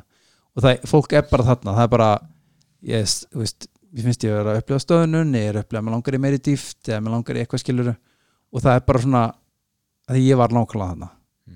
Bara nú er ég tilbúi og, og ég er ekki komin á einhvern endastöð að búin og ég fer á mín retrít og langar á fleiri retrít og veist, það er bara þannig. En, en að geta veitt svona því að fólk veit ekki eins og hvað retrít er sko. Bara hvað er retrít það er í raun og veru bara svona uh, eitt besta og sterkasta tólið sem við höfum til að breytast. Er maður ekki bara að trýta sjálfan sig eða? þetta er náttúrulega bara það, þú bara ferð burtu, you retreat from what you have. Hvernig er, hvernig er má vera með gemsa, farsíma? Uh, þú náttúrulega mátt alveg taka með þig gemsa uh, og það er náttúrulega öllum í sjálfans þetta er ekki skólastofa sko. Ég er ekki kennarinn. uh, en það er náttúrulega ekki lefðir símar inn í því rými sem við erum að vinna vinnu og veist, það, það er ógislega off-putting að vera á svona retreati og veist, fólk er bara eitthvað veist, að skoða síman sko. Þetta er alveg svona heilug stund svolítið og ég mun bjóð upp á það að fólk skili símanum, ég hef gert það á retreatum. Ég bara skila símanum mínum inn og hann er bara farin og það er seremónia í sjálfu sér. Að sjá bara hver getur verið að ringi mig hver er ég að missa ég er svo mikilvægur og getur vel verið að fullta fólki en ef maður setur rétt bara upp þegar maður er að fara bara er það verið ekki eftir að naga mig. En svo bara hugsaður, býtu hvað eru dánatíðindi hvað ef einhvað þú veist og bara svona, býtu hvað þá, hvað þá? Þá bara sér maður hvað hausin á manni er stjórnlaus. Og þar byrjar maður að taka stáfið sjálfan sig. Það er eitthvað búið að finna að lausna þessu. Það er þetta að stilla síma sinna að ringir ekki nema ef að sama númeri ringir x oft sko. Já, innan einhvers ákveðins tíma þá fer það ekki sko. Já, já, já. þá er einhver að reyna að ná í því sko alveg eða bara gjössanlega farin af þráhyggju. Já, já, verða verða já, já, þetta er hérna, Mattias, Þú næst er við fyrir strákaferð Já, þá segir við erum að fara segir konuna, konuna ég er að fara að það má ekki ringja tvær vikur. Strákar, pælið samt í einu. Þú veist, ef þið horfið á strákaferði til dæmis til útlanda það sem að menn hella sig alveg blellaða Ekki við. Ekki þið, gott. Ég ætla ekki að tala um einhver aðra stráka sem ég þekki. Sem eru veikir. Sem eru veikir inn í sér. Nei, að, bara svona hvað eru menn að leita eftir annað en að komast bara svona svolítið bara undan byrði hverstagsins, komast í meiri tengingu? Ímyndið eru allir værið að gjafmildir í búðinni eins og þeir eru á barnum. Er ég skal taka ég skal taka þetta fyrir þig, ég tek þetta kjörðu fyrir þig, ha? Er 5.000 skall, já, glemdu sér, ég, ég skal þú veist, en bar, veist, það kemur ekki til greina þarna. En á barnum er þetta bara, já, já, já, ég skal taka flöskubor sko, 80 skall. Já. þú veist, og það er bara því að áfengi gefur okkur, setur okkur að vísa aðeins undir sko meðalgreind. En við erum samt komin inn í það að við erum komin í tenginguna.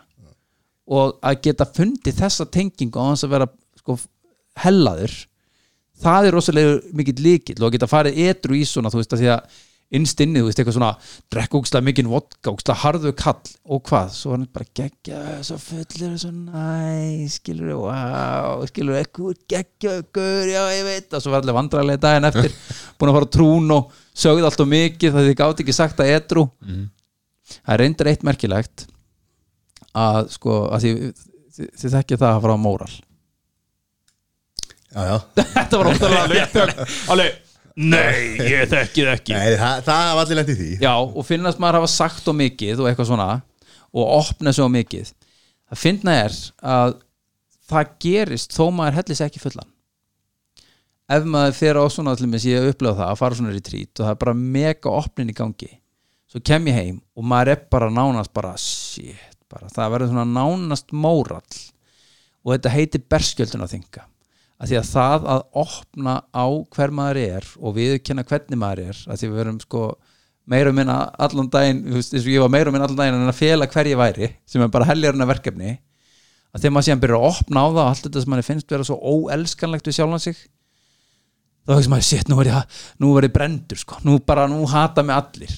Og það veldur þessari svo gulluðu þingu sko, þannig að fyrst þegar ég var að fara í þessa kakoseremonir þá kom ég oft úr þeim og var bara shit, bara svona ógeðslega viðkvæmur og kom inn í eitthvað og veist, en svo var svo skrítið að hægt og rólega sko var að svo, svo fór ég aftur inn í business heimina sem að fyrirtæki mitt var allt í gangi sko. Svo fór ég í kakóseremoníu, það var svona tveir ólíkir heimar, en hægt og rólega tók svona svolítið kakóheimurinn bara yfir.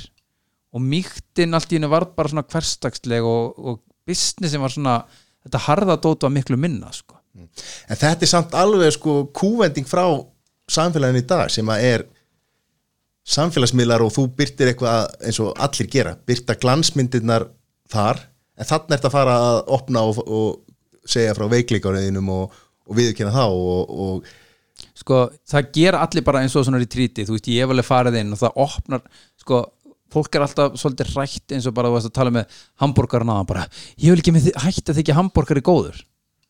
Það er bara, mun ekki það mun ekki koma fyrir það eins og vilja skilur mig, og alveg eins með þú veist fólk mun aldrei opna sig meira heldur en það ætla sér. Þú veist, svona auð- auðvitað getur komið fyrir eins og ég segi berskildurinn þinga, þú segir eitthvað en í því moment sem þú ert að segja þá er það að því það er rétt fyrir þig. Þannig að þú veist að við breytumst aldrei meira en við erum tilbúin fyrir ef ég vil haldi eitthvað gammalt dót þá bara held ég gammalt dót. Þú verður ekki bara hömlulaus og bara, og bara nei, æ, nei, ég breytir í allt aðra manneski sem að er orðin vegan. Já, nei muni hann að ólista mormálið það var ég, það var ég? En, en sko, ef við, ef við líka hugsum um það uh, sko sk, uh, við höfum nú- komið hérna svolítið umfjöl, uh, sko, umfjöllun að aðal vandamál okkar séum að við séum ekki, ég er ekki nóg. Ég er ekki nóg. Hvað- alltaf kann að segja okkur að við værum nóg. Að, og hún sagði við værum nóg og það væri bara sko, það er náttúrulega erfitt bara að segja það því að þetta er ekki einhver, rökfræði. Þú ert nóg, ok, takk, nú er ég nóg. Það er náttúrulega ástæðan fyrir að fólk út í sveit til að fatta það, sko, þú þarf alveg virkilega að pæli því og hugleiða á þetta sko. en sko, það að ég sé ekki nóg það er að því að ég er með einhverja skömm. Skammast mín eitthvað. Ég er ekki alveg nóg að því skammast mín hvernig ég er þannig að ég er búin að loka og parta sjálfum mér. Sem þýðir ég hef afneitað hluta af sjálfum mér sem er bara ekki verður ég bara sín ekki hennan hluta, ég reyna hann reynda mér hræðilegum, ég held mér sé að takast það en í blindtóttni hugans þá sjá allir hvað er hann að gera. Þannig að þetta er svona, verður svona svolítið vandræðilegt sko. Þannig að hvað ger maður við afneitun á sjálfum sér? Til að snúa við skömminni. Bara viðkenna hana og opneri með já- með opnum örmum. maður játar, já, maður játar það sem maður afneitar. En maður getur ekki játa það sem maður afneitar fyrst fyrir maður veit hverju maður er að afneita af sjálfum sér og svo að taka þá ákvörðun að elska þessan part og játunum þó manni finnst að vera óelskandi. Að því að triks, triksið í er það að það sem að til dæmis mín skömm var það sko ég væri tögaveiklaður og óskipulaður og viðkvæmur það var svona, veist, og svo í kringum þetta er náttúrulega einhverja sögur að því ég taugaveiklaður, þá datt ég í það og, og, veist, og, og, svaf hjá einhverju stelpu sem ég vildi óski hefði ekki sofið hjá og þetta gerðist allt bara og veist, í kringum alla þessa persónleika er einhverja sögur. Þannig því ég er búin að taka sögurnar sem að ég svona eitthvað skammast mín fyrir og eitthvað þegar ég fer ofan í hvaða var sem að let mig bjugga þess að sögur til, það voru einhver svona persónu eiginleikar sem voru eins og taugaveiklun viðkvæmni, óskipulaður en því ég virkilega skoða þessi eiginleika þá er það að vera óskipulaður er hinn endin að því að vera í flæði. Ef ég verið geggja skipulöð típa þá verið hann stífur. En að því að ég er óskipulaður þá þýðir það líka að ég er í flæði. Ég þarf bara að taka semst, ábyrð á óskipulæðinu til að geta verið í flæði. Það að ég sé viðkvæmur því það að ég er líka næmur. Að því að þú veist sko ef ég tek við, viðkvæmuna mína og ég svona vinn með hana þá getur að næmni bara eins og geðið næmur hljóðnemi ef hann tekur bara allt hljóð inn og bara gerir engan greinum þá er þetta bara allt og mikið og sprengi skalan en ef hann getur tjúnað út ákvara tíðnina þá er hann orðin bara næmur. Og taugaveiklun sem er bara það að hugsa ógeðslega mikið og allt og mikið að hugsa um að vera með ofhugsun það er hinn endin bara að vera skapandi en Þannig- ég skilur, þetta er svona þannig að skömmin okkar er hefilegt hinn endin á styrkleikanum. Þannig að gangast við því hvernig ég er gerir það að verkum að ég get farið að þróa viðkomnina og óskipulægið og taugaveiklunina í það að verða blómin sem eru sköpun, flæði og næmi. Og svo náttúrulega allir sem að eru í þessum aðstæðum sem að eru margar sem að búa, búa baki þú getur komið frá erfiðu uppeldi Já. þú veist, þú þarf ekki endilega að koma frá erfiðu uppeldi en getur samt verið að díla við, við einhvers konar ymmit þetta að þú ert ekki þú ert ekki nóg eða sem sagt að, að þér hefur liðið þannig lengi að þú einhvern veginn ert ekki nóg góð fyrir neitt sko ég segir þetta alltaf ekki við matta að hann sé nóg ég segi, ég er komið nóg af þér Já, það er náttúrulega best að vera ekki nóg að því maður er allt og mikið Já, en ég er að segja ástæðan geta verið svo margar Já. og vegna er, er en viljum við hvetja að sjálfsögðu alla til þess að, að reyna þá að finna lausn. Þú græðir ekkert á því að loka þið inni og, og afneita þeim og bara setja hausinn undir þið og keira áfram. En það er bara, þetta, er- þetta er svo skrítið strákar að þú veist það að játa einhverja svona skömm tilfinningin er bara manni líður eins og mann sé að fara að deyja. Þess vegna höldum við svona stert í þetta sko. Að því að þetta tengir í taugakerfi okkar alveg bara frá því við erum krakkar og hver emmaður sem krakki maður er svo gjössamlega ósjálfberga að ef að mamma og pappi myndi ekki vilja okkur þá varum við bara dauð. Og það er þessi strengur sem að síðan svona smá spoiler alert á andlega ferðalagið það endar allt í æskunni sko já, ég fekk aldrei nóg af þessu. Að ég fekk og mikið Ég af fekk aldrei kakó, ég sko ég fekk aldrei kakó. Eða, eða þú veist, ég fekk alltaf mikið að kakó. Ég fekk aldrei að búa til mitt eigi kakó. Þú veist, við erum bara hönnu til að upp, veist, lifa einhverja skömm. Það er ekkert fólk sem ég veit um sem að er djúft sem að er með einhvers konar hæfileika fram að bera nema að það hafi gengið í gegnum eitthvað til að öðlast þá þú veist, eini mann sem er eftir í hug sem bara fættist einhvern veginn bara gjössamlega gallalaus og fullkomin öllum sögum það er Jón Jónsson. Bara tónlistamæður, mm. fótboltamaður en þú veist, hann á ábyggilega einhverja rosalega Það sögu að vera eitthvað Það er svakalegt það er bara með, 100%. bara með fullkomna konu, krakka það er bara eins og að sé bara allt perfect hjá manninum sko. Get nice.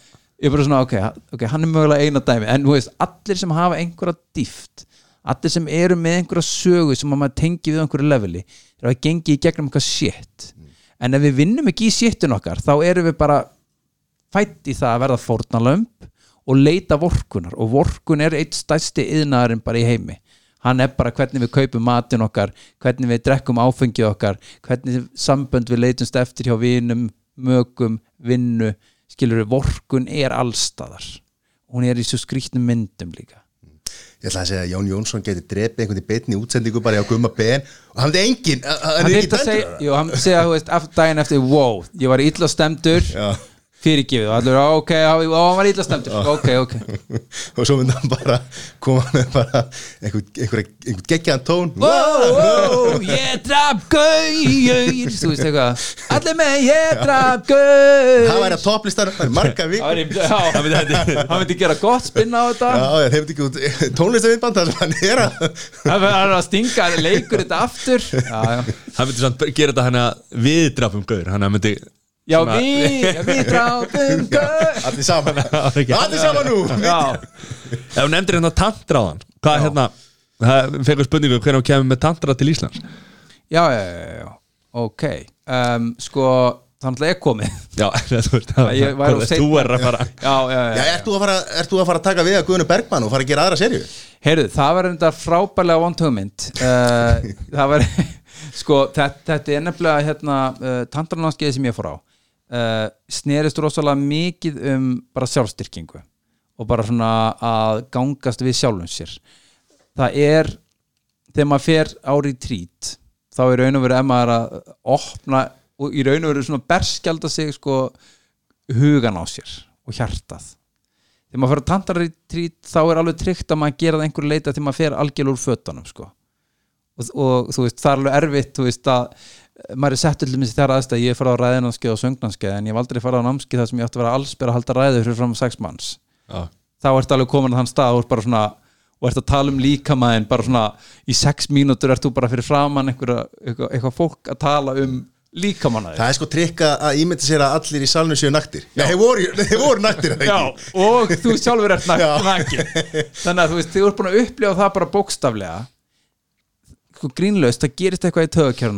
að eftir þetta, þá var ég bara svona þú veist, þetta, þetta hljóma bara svona, "Ah, alls ber að tala frá fólk eitthvað skilur og, og, við erum alls byrjun núna til dæmis. Nú erum við, ég sagði við um. Ég sagði bara strákar, ef við ætlum að gera þetta þá verðum við ekki í fötum. Og því sagði ok. Byrjum á fatapokir sem endaði endur á um, en, en þú veist og þetta opnar fyrir rosalega mikið af hérna svona að því að bara svona, og allt þetta tapu í kringum nekt og bara hvernig við bregðumst við og líkumunum og maður fer alltaf inn að sjá þetta í svo öðru ljósi. Veist, maður, ég, við vorum í átta daga það sem að þú veist, bara clothing is optional. Og þá bara að það rosalega fljótt að venjast að enginn sé í fötum. Það er bara eins og það gerist bara svona sko. það er bara, maður er bara alveg sama og þetta er ekki eitthvað svona oh, shit, hvað er hann græðið núna, þú veist þetta, svona, þetta verður bara svo normal skilur, en þetta er, þú veist, konur í Afríku hérna, einhverju buskmann sem eru bara, þú veist það eru bara brjóstunum allan daginn, skilur, enginn eitthvað þú veist, ekki að spáði því. Nei, en það, og þá tökum maður líka eftir hvað við gerum mikið út á sko, kynþokkan. Þú veist, allar þessar það er einhver sé Instagram? Hérna, þú veist, eða auðlýsingar það sem að allir þessi brjóstahaldarar og alltaf svona fara ekki að sjá, þú veist, við búum til þetta tension í kringum þetta og mikið að gremjun okkar kemur oft út í svona þessu kynferðislega svona skilur mig, svo fara allir í bæinn og reyna að höstla og svo anda gæðir í slag og skilur, þetta er bara svona óuppgerð gremja Djúvill lætur lí, lífið ljóma illa. Það er bara, það. Það er bara svo leys það er bara græmja og sitt en, svo eins og þarna úst, í Afríku þá eru hérna konur bara berbrjósta Já. en svo er konur til Ameríku þá maður ekki gefa, gefa brjósta á veitingastað. Emmitt þú veist hvað bull er þetta? Þetta er hérna sko, ég, það er eitt gæði sem heitir hérna, Brad Blanton sem skrifaði bókina Radical Honesty. Og hann er að tala um að það sem að er að fara með þjóðfélag, hann er að skrifa þetta fyrir sko, heldur hann að skrifa þetta bók fyrir 15 árum. Og hann er aldrei verið sannar núna. En það er moralism sem er að drepa okkur. Það er svona síðferðilegu reglurnar. Að vera svona síðferðileg og þess vegna voru upphaflega umræðan um það veist, hvað mætti í dag og ekki þá. Hvað breyttist? Jú, það var bara síðferðilegu regluna breyttust. Og við erum alltaf að setja einhverja reglur í kringum það að við erum apar í fötum. Það er bara þannig. Við, veist, við, við ráðum valla hvað við borðum við rétt ráðum hvernig við vöknum að því að hafa vekjara klukku þú veist, við erum bara svo út um allt og við erum rosalega vilt í eðal okkar. Og margt af því sem ég hef lært árið trítum er svolítið bara að gangast við því um leðum að gengst við því hvað maður er viltur og reynir ekki að stoppa það þá fyrst byrjar að fá einhverja stjórn og byrjar að upplifa einhverja hamingi í lífinu. Ástæðan fyrir því að við erum alltaf að leita í þessar fíknir og þessar mat og svona við erum alltaf að reyna að stoppa hver við erum og það kostar svo mikla orku. Notar ekki vekjarklöfu nei ekki nema ég þurfa að vakna eitthvað, þú veist. Já, eins og þú Matti, þegar maður spyr hvernig alltaf vakna? Ég vakna bara þegar ég er búin að sofa. Já, það er bara svolítið mín regla sko. En þegar maður gerir það, þá vakna ég hvort alltaf á sama tíma sko. Bara líkams klukkan ein, já, ein stærsta ástæðan fyrir því að ég er í eigin rekstri í dag og varð ekki launamaður. Að vakna á mótnana fyrir einhvern annan að fara að gera eitthvað sem er mjög sleðilegt það var bara ekki bóðið fyrir mig. Það bókstala var ekki bóðið fyrir mig ég bara eidilegist þann glugga og þann banka í 20 ára skólanámi sko. En nærðu þá að stjórna því að, að veist, það er fundur klukkan, þú veist, þá ferði í bæ og hitti fólk og ert að þú veist, gera eitthvað eitt í rekstri. Það er fundur klukkan nýju, segir þú þá eða þú kannski vaknaði þá fyrir já, já, ég vakna yfirleitt sko, ég vakna á bylunum svona 7 til halv 8, ég eppel stundum hálf 7 uh, en ég, ég gerir rosa mikið að ég bara og, og það er partur af mín, minni viðkvæmni er að mér er erfitt að fara strax á fætur. Ég gera það alveg stundum, og veist, kemur alveg fyrir en stundum ligg ég bara hálftími í rúminu og bara, veist, bara stundum og, og eitt af því sem að veist, ekki taka síman fyrsta klukkutíman, stundum tek ég bara síman bara til að venja sko augun við bara byrtunni bara, veist, ég, ég var eitt morgun þingsti gaur bara veraldarinnar sko, bara, það var ekkert gaman á mótnan eða mér sko. En ég er svona náttúrulega búin að taka mig verulega í gegn en ég leifi mér að vera bara mjög lengi fram úr. Kannski breytist það svona þegar maður eignast börn. Ertu ekki með einhvern lampa sem að hérna, líkir eftir einhverju byrtu Eh, Nei, ég, ég veist, uh, ég á ekki svoleiðis lampi, ég á samt dagsbyrstu lampa sem ég kveiki á, sérstaklega við dimmustu mánuðina. Núna reyndar að byrja, sólinn byrja að rísa þannig er minni nót fyrir hann. En að fá byrtin í augun ég, ég var mörg, mörg, mörg ár með skamdegiðsunglindi á þess að gera mig grein fyrir því og skamdegiðsunglindi, þetta er stort orð maður bara basically missir svona aðtapna getuna það er ekki gott að vera aðtapna skáld, að vera ekki með aðtapna getu geti ekki gert hluti og verða svona eins og hérna, bara fluga sem vaknar á veituna bara svona zzz, zzz, bara svona nenn ekki neinu vilja bara leggja sig. Bara svona drifkrafturinn. Að hérna, þegar hann fer þá fer svo margt sko. þá bara nennir maður ekki gera neitt og verður bara svona gufa sko. þá er mitt femmar og grípur sér að borða eitthvað og svo fær maður sér áfengi og eða, veist, kalla þetta áfengi. Svo fær maður sér alkohólískar veigar. Nei, hérna en, en, en það til dæmis, það og skamdegistunglindi er bara gjössamlega vesti koktel sem hún getur fengið sko. það er bara þannig, þú veist, það er bara fyrir mig, svo náttúrulega ég ætla alls ekki að ég hef aldrei lifað lífin eins annars nema sjálfsmins, mögulega á ég fyrir líf en ég hef ekki verið þið til dæmis Jú, þú átti nú líf á Facebook sem að hétt hérna Hákon Karl. Hákon Karl var enda maður á Facebook sem að ég skapaði en ég var hann aldrei ekki líkamlega. En, en það sem að ég uppliði basically að var það að, þegar að áfengi blandast inn í allt sem er í gangi svo skamdegiðsunglundu þetta þetta er bara eins og að setja erfiðasta prófveraldar fyrir sjálfan sig. Það hefur aldrei á æfuminni verið einfaldar að vera ég heldur en í dag. Og það er eftir ég gerði alla erfiðu hlutina sem var að veist, taka mataræði í gegn hætta drikkjunni það bara- það verður aldrei verið skemmtilega að vera ég. Það verður aldrei verið fyrir mig. Það verður aldrei verið skemmtilega að vera ég. Aldrei verið betra að vera ég.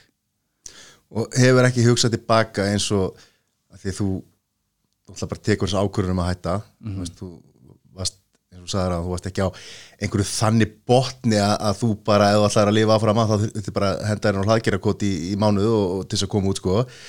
E, e, hugsaður ekkert svona ég, kannski fæði mér eitt Það bara, er það bara ekki til eða er, ertu ennþá að, við erum með þáttirna á, á podcastöðin sem heitir leiðin til bata þar sem að fólku fík segi sögu sína. Já, uh, þú veist, og þetta bara sagði ráðan af áfengi kringuði, erfitt og þetta það er bara ekkert mál. Sko málið er að ég er ekki sko, myndi alls ekki, ég, veist, ég er ekki á AA-fundum ég sæki ekki, þú veist, ég var ekki svona fíkni, ég var ekki í fíkniefnum. Þú veist, ég var ekki hérna að, sko mín neysla áfengi var bara bundin við svona, svona diskotjamari sko, veist, það var rosalega þú veist, í raunum er rosalega saklus og og það var rosalega lítið af einhverjum stórum drikkjusöfum, þetta var meðstaklega bara ég heima og félagið mínum að spila FIFA reyna að fara neyri bæja hösla, þú veist, það var svona the, the extent of it, þetta var ekki mjög glorious eða einhverja magnaða drikkjusögur sko, það var bara eitthvað svona og vaknaði ekkert í templarasundi bara eitthvað hérna Nei, þetta var svona og- Við vorum að leiðin að lappa í bæin eftir, þú veist, á fylliríun úr partíinu og það var eitt sport var að opna bíla aðtökurti voru opnir og ef, þau voru opnir að kíkja inn í þá og breyta öllu inn í þeim taka dót og setja fram í og það var alveg eitt bíl sem var með fullt af hérna svona guluskrám aftursæti var sem bara fullt af guluskrám og við eittum svona fimm minnum í að setja allar guluskrafnar fram í bílinn. Gul, gul, ha, guliskar, bara hérna Gula gul skráin, síðuna? var það ekki- einhver bók eitthvað bara svo símaskrá og það er bara svona fimm Bílli mínútur fullur af því ja. hann var bara fullur af því í aftursætinu. Þannig að þegar Gauri var að fara að keira daginn eftir eða hún, maður veit ekki Já. þá var bara gulu síðuna bara búin að fylla bara svona, og þetta var svona, þetta er svona rekkur sem að við fengum aldrei að sjá svipin og manneskinni eða neitt. Þetta er svona mitt villi í svona var bara svona, ég var svona prakkari skiluru Já, svo voru að breyta þetta bremsun í bensinkjör og bensinkjör í bremsun Já, það var náttúrulega að flippast og setja kúplinguna í staðin fyrir nei, hérna, en, en sko hjá mér var þetta aldrei eitthvað svona veist, ég var aldrei uh, að vísa fannst mér ógæðslega glötu til að fara að hætta sko. Á, veist, en þetta gerist ekki á einu degi sko. Fyrir en að ég tók byrjaði pásu og það var bara svona ætla að prófa pásu. Bara, en þá var ég, ástæðan fyrir, ég gat það var það að ég var búin að taka til í mataræðan og ég hef gert það í hálft ár. Og þá fannst mér svo skrítið ég var búin að borða svo healthy að detta allt í einu í það. Bara svona búin að vera geggja þetta er bara eins og að vera búin að reynsa allt ógísla til alla vikun í húsinu þínu og koma síðan og kasta bara handsprengi inn í það. Bara hvernig var ég að sleppa þessari handsprengi? Því ég var alltaf að drekka minna ég var eitthvað að byrja að stjórna veist, og ég var ekki einu svona fullur sko. ég var bara svona fullur og feimin sem var eiginlega vest stóðin á kaffibarnum búin að drekka kannski svona fjóra bjóra bara orðin svona einhvern veginn slompaður af þeim ógíslega meðvitaður og klukkan orðin þrjú bara svona djöðlarlega þú veist og hérna að lokum var bara svona en, en þú veist það var mega sorg í því líka sko. Að hætta sko. Maður mað, mað þarf bókstaflega að syrgja ákveðna hluti bara eins og vini sína sko. Og ég áttaði á því að það er ekkert sjálfgefið að maður bara rífis upp og að því að þú veist hversu oft var ekki eftir erfiða viku það tss, á já, hann erum við komnir þú veist, þarna núna getum við glemt öllum þessum leiðindar áhyggjum og nú getum við alveg haft það bara kósi og fyrsti bjórin og allt í hennu komið sér geggjaða bjart sinni og maður hugsaði bara hvað vitli sér í þeim maður, okkur er þetta alltaf svona stressaði kallið minn? Þú veist, og bara allt í hennu sjálfstali var svo mjúkt og allt í hennu voru vinum hann svo ljúfir og það var allt svo æðislegt. Þetta er mjög erfið fyrir mig að því að þú talar um að syrkja ég þyrft að bara kveðja vinn minn Mattias í leiðinni sko, það er ekki verandi beðun á metru sko. það, sko, þetta er samt eitt sem ég gekk í gegnum þegar ég hætti að drekka og ég og félagið minn sem var alltaf að spila FIFA saman og detti í það farinir bæ. Allt í hennu mætti ég til hans og ég ætti svolítið erfitt með að segja um þetta að þetta var nánast eins og ég var að sko hætta með honum. Bara eitthvað, ég er hættur að veist, en ég var ekki hættur, ég gæti ekki sinni sagt sjálfur mér það. Ég sagði bara, ég er í pásu núna, ég get ekki tekið neina ákvörðin ég kem, við byrjum að spila og hann svona, við varum alltaf með þetta bjór á kantinu, svo kemur hann svona ótar að mér já, já, ég ætla, ég ætla, ég ætla að býða núna í kvöld, ég ætla ekki. Ha? Eh, voru, voru að drekka. Eh, já, ég, já, ég ætla ekki og, og svo byrjaði bara hann bara með stanslösta íta að mér. Svo byrjaði hann að vera fullur og þá byrjaði hann að vera svona að geta eitthvað að íta í mig og þá var ég bara djúvel er þetta leiðilegt? Og þannig að við þurftum að finna okkar vináttu alveg upp á nýtt eftir að ég hætti vegna þess að þú veist, þá kom til dæmis bara ljós okkar vináttu gekk rosa mikið út á áfengi hún loknaðist út af en stund en svo fór hann yfir og við allt í hennu fundum bara aftur geggjaði vináttu þannig að þú veist Hvað er það svolítið tryggvað? nei, nei, nei, nei, Sölvi var aldrei þannig í drikkinu sko. við vorum ekkert, hann hefur aldrei verið drikkja hefur aldrei verið hans aðalsmerki hann er ekki, En hvað er hérna, hæ hæ, hvað er hérna podcast ykkar? Hvernig, Live show nú er live show já, En hvernig byrjaði, þú veist hérna, podcast ykkar? Hvernig hérna, sko ég, ég og Hjálmar uh, þegar við vorum árið 2007 þá var bara svona eins og þegar við hittumst þá vorum við svona svo þú veist, það er svona það er einn vittlisingur hittir annan vittlising þú er vittlisingur, já ég er vittlisingur við erum tvei vittlisinga, það var svona geggjað bara, við vorum bara og við vorum all, við sko tengdum svo mikið við það að við vorum inn í rosalega svona þú veist, ákveðni fyrirtækja umhverfi það sem fólk er bara að vinna og allir að gera sitt og svo voru við bara svo mikið bara, veist, oh my god, shit, hvað er í gangi? Bara, veist, við hérna eitthvað. Og við vissum það bara. Ég vissi hvað hann var að gera ég, veist, við bara, we, we knew each other skilur, þannig að við, við vissum hvað ruggli og vorum í bara sko. hvenær áttu að segja að ég á ekki vera hérna eitthvað svoleiðis. já, þetta var svolítið þannig sko, við erum ekki heima þetta, hvað við að gera hérna? Og hérna, og við gerðum að fyrsta sem við gerðum var hérna, veist, ein grínbók gáum hann út. Kon, við, ég ætla, ég ætla að segja, ég ætla að segja nafni er það konur vita ekkert að þeir eru svo litlan heila. Sagt, það er, Nei. pönnið er Nei, veitu, hvað, hvað heitir hún? já, sko, konur eru aldrei hamingisamar Er aldrei hamingi sem var þeir eru með svo litlan litlan heila.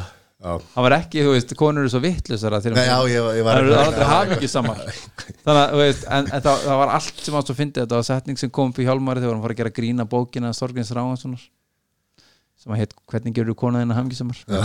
Og þetta var success og þetta var fjórða mest selda bókin fyrir jólin. Já, Hjálmar sagði söguna hérna á þólagsmessu að í smáralind fyrir við sátum eins og sko bavíanar að kalla komdu þetta og við bara veist, öskruðum á alla sem komið fram hjá.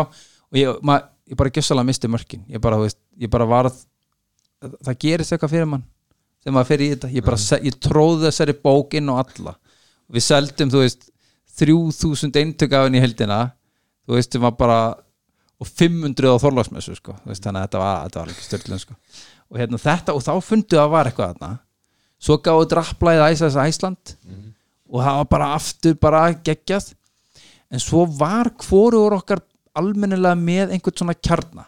Þannig að frá 2008 þá 2008 skrifum við sjónvastætti byggum til 600 sjónvastáttum við fórum að hittum einhverja, við vorum komni að það langt vorum næstu fartir í tökur og bara ætluðum að gera þetta en það skorti hjá okkur báðum svona einhverja trú, einhverja svona einhvern kjarna. Við svona bara þetta stoppaði. Þannig að það fór aldrei í gang. En á hverju einasta ári þú veist, við erum búin að eiga spjöllin í bíl bara hvað eftir hvað annað sko búin að vera ykkur staðar ég skuttur um heim og svo bara shit maður, gera, við gerum eitthvað við gerum þetta, við gerum þetta. Og vorum alltaf að peppa eitthvað og svo var það bara aftur og aftur og aftur. Og ég var undir lokið mamma bara, shit, það er ekki fara að gera neitt við erum ekki að fara að gera neitt. Svo allt henni tekur sko, fyrst tek ég á stað þegar ég byrjum með menn.is þá er ég svona, veð svona mini-celeb í smá tíma þá getur það reynda svona aftengdi í mig í nefndi ekki að vera eitthvað kringum þetta. En þú náttúrulega skrifa líka uh, flottast á Facebook og kjammi já, ekki? jú, það er skrifa, það er hvað, um 2010, 9-10 Já, eitthvað svo leiðis já, 2009, og- eða 2008, 2009 og 2010 er ég að gefa út bækur sko. Þá var svona ímann en þá að gefa eitthvað út og svona sko. svo bara var það svolítið svona aftur bara kjarnin ég bara með skorti sjálfstrúna þannig að ég gaf bækur út en ég svona fylgdi ekki alveg eftir og svona bara þetta var svona veist, það er það sem maður er að tala um að, sko, að svona, maður þurfa að þróa hæfileikana sína sko. Veist, þetta var alveg til staðar en ef ég stend ekki með því ef ég held ekki áfram þá verður ekki neitt svona sustainable til úr því og ég meina þetta var allt partur af ferðalæni hjá mér. Og ég er náttúrulega líka bara á þessum tíma veist, maður, ég vil líka meina að þegar maður drekkur þá svolítið stoppa maður þroskan. Þú veist, þegar maður breytist ekki. Þú veist, sumi bara lend, lendi því þeir eignar spatt og það bara allt í henni tekur bara priority og þeir þurfa bara að breytast. Eða þeir finna maka eða þú veist, það bara er eitthvað sem gerist þeir bara þurfa að breytast. Ég var bara basically nánast sami helgi frá þú veist, ég á 14 ára þangað til ég á 32 sko, og þú veist, þannig séð bara, svona, það var bara sömu lögmál nánast í haustum á mér, þá maður stækki sko. Og síðastlinum uh, svona 7-8 árum þá er ég bara búin að vera að taka út þroska sem að bara þú veist, allt einu er maður bara orðin fullorðin bara til það mikið Það tókst. Það tókst. En um leiðum að það færa hann aukna þroska og að því að þú veist hverju ári vorum við alltaf að tala og eitthvað að gera svo loksins verða þarna í ársbyrjun 2019 við erum svona bara eitthvað að, þetta podcast og það er svona að fyrir að mittlast og við fyrir eitthvað að byrja. Og ég er náttúrulega í gömlu ofugsunni ég sagði við þurfum að gera eitthvað geggjaðan skets til að koma okkur á kortið. Og þessi skets varði einhvern veginn svona aðalatrið og ég var að retta sko, við rettum fullt að lið inn í hennan skets sko. Og veist, bara, þetta var einhver risa skets eitthvað sem að skipti sér en engum málinn í end sko. Og við vorum sko, svo vorum við búin ákveðnir í því að sponsa þáttina árum við byrjum þannig að það var heilmikil baróta við að fá okkur að sponsa inn og byrja ógislega stórt sko. Og byrja með stórum skets og stórum sponsum og byrja, og, en það, það gerði það að verkum að fyrsti þáttina fór ekki lofti fyrir söndu júni þannig að það var alveg hálft ár sem við vorum svona eitthvað að rempast við tókum upp þrjá pröfu þætti árum við byrjum og samt þegar ég settist niður við mækin í fyrsta þáttin þá vissi ég samt eiginlega ekki hvað við vorum búin að gera og ég voru, mér fannst ég óundibúin ég vissi ekkert hvað er í gangi. En, býtu, ég var að mun, mun eftir þessu skets Var það, var Hjálmar í eldúsinu? Já, var alltaf út í rjóma? Allur út í rjóma, já, já, já. Það þarf að undirbúa þetta allt maður. Já, ég meina, þetta, þetta, þetta tók tímalega en partur af þessu var sko, ég hef oft sagt fullkomnuna árátta er ótti válut annara getur verið sem sagt í dulbúningi ótti válut annara alltaf geggja verið með, fólk með fullkomnuna árátta býr til geggja hluti en oft getur það stafa því maður er bara hrættur um hvað öðrum finnst þannig að maður getur ekki hægt að undirbúa og gera það gott. En inn í end er það ekki það sem gerir þáttun okkar góðan. Alveg og við erum bara hér að spjalla og við erum ekki að sko, útverðsætti voru við skrifa handrit, þið vitið það, bara ráseitt að bara Já. maðurinn er nefndur. Og þetta var bara lesuð upp það sem að gerði okkar þátt góðan var bara að ég og Hjálmar höfðum bara fundið þetta bara í símtölunum okkar 2007 í Brimborg að það var bara geggju kemistrija og við vorum bara, þú veist, það er bara það sem að fólk hefur tappað inn og verið mjög ólíkir en samt náum við að einhvern veginn að tengja sko. já, já. Bara eins og eins og við hérna þegar við erum nú með þessa podcastu og núna fullt að þáttum á henni. Fullt af fólki að tala við okkur og með alls konar hugmyndir sko. Við segjum, þú voru bara að keira stað. Þú voru bara að byrja þú getur verið með þessa hugmynd endalaust þangað til að hún fjarar út sko eða þú getur kert þetta áfram. Og auðvitað er ekki að segja að gera með hugmynd. einhver hálfkáki skilur, er út með einhverja hugmynd og hún sé ekki fullt mótu eða, eða 100% sko. Ég, ég er bara svolítið þessa skoðun að hérna maður, maður er sko óttin mann svo að gera mistök og sko vesti óttin er og það sem að þorir eiginlega ástæðan fyrir að fólk á erfitt með að gera þetta er, er að þú veist stóri dagdurinn um, um þú veist successful life hefnist ekki. Þannig að það er reynir í, í staðin fyrir að láta sko reyna á það þá bara er betra að lifa í voninni. Að því að vonin er allavega það, þú vilt ekki drepa vonina og þú drepur vonina með því að prófa, skilur þannig að þú mætir, þið gerðu podcasti að hlusta enginn og hvað. Þetta var glatað, þá er miklu betra að eiga þetta eftir. Þið ætlaði að gera þetta einhvern tímann og þetta verður geggjað. Já. Þa, og það var það sem gerði það svo erfitt. Þannig að þegar við vorum að byrja þá var það erfið er að maður er að fara að, bara að drepa drauminn með því láta, með því að lifa hann sko. það er það erfiða sko. þannig að við vorum bara, þegar ég var að byrja ég var náttúrulega máttlus, ég var bara sittur bara einhverju tveir hálfvitar eitthvað að tala ykkur á mikrofónu og búið til einhver hlusti, það er ekki séns sko. eina sem er gegn þessu það er hótt aldrei að hitta góðsagnir einar það er einhvern veginn valda það er alltaf vonbröðu sko. það er betra Já. að hugsa um það hvernig, hvernig það voru sko. en svo eins og Matti segir alltaf hann segir alltaf að það er betra að beðast afsökunar heldur en leifi þannig að bara Nei, hvað, betra að beðast fyrir leifi betra, betra að fá sko, betra að fá hérna þetta, hann sagði þetta alveg sko. það er þetta rétt Já. Já, ég er ekki að hlusta á þeim hérna Þetta er gott stöf sko, alveg- já, þetta er alveg gott stöf hann sko. En það er bara, en eins og með okkur sko Við byrjum bara, og við erum bara við hugsaum þetta ekki svona langt sko. Okkur var alveg drullu saman að okkur myndi hlusta eða ekki sko. Við fórum bara stað sko. já, þið enda, enda bara sko, Það er auðvitað áfengið að þakkar sko. bara nógu fullir. Við vorum líka búin að taka bröðu þetta með eða svona, hugsa ykkur hugmyndir. Það var alveg bara að hittast að fá okkur bjóð sko. það mikilvægast í öllu ferlinu í staðin fyrir að ná hennu fullkomna podcasti að kannski var það ekki segjum að podcasti, klik, podcasti sem fólki kemur út með klikki. En það mikilvæga var að maður fari í dúergýrin ég er bara dæmi um gaur sem að var frosinn fastur í því að plana gýrnum sko. og það er svo einfalt að finnast maður að vera að gera eitthvað og ef þú lítir yfir síðustu tvo mánuði, þrjá mánuði, fjóra mánuði þá var ekkert að gerast Já.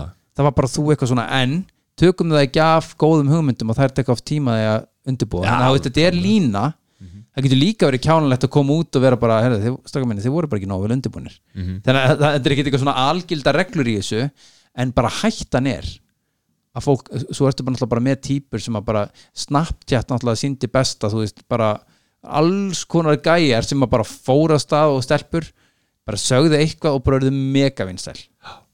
En ég segi bara sko, sama út í alveg að 90% árangunum er að mæta. Það er bara þannig og þú veist að því að podcast ég verður ekki bara þegar ég finna að ég fyrir þess að flæðisorku ég byrja að setja hluta stað kannski var það ekki okkur þetta sem átti að gerast en það var eitthvað annað sem kom í kjölfari skilur, svona hugmyndir eru bara við erum svolítið mikið træðilega næror að vir, þú veist, ef maður er í dúer gýrnum að því að veist, ég man ekkert mann eftir að það var eitthvað gæði að segja, ég er pælið að opna hambúrgarastað og ég segi, er ekki svo margir hambúrgarastæðir er ekki svo mikil samkeppni?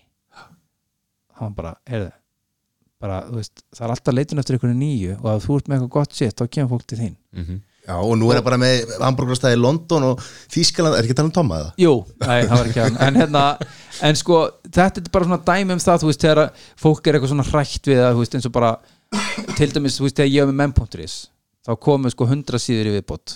Bara því að menn.is hérna, og veist, það, það gekk vel hjá ákveðin síðum. Og þetta var bara svona ein, þú bara þurftur að eiga- vefsíðu, setja inn eitthvað fyndið efni, setja fyrirsögn og það bara, þú veist, fylltist allt á auðlýsingum í raunveruleikunum var þetta bara ógeðslega mikil vinna og ógeðslega erfitt. Og ef, en á sama tíma ef einhver hugsa bara, er svo mikið af vefsíðum, ég get ekki.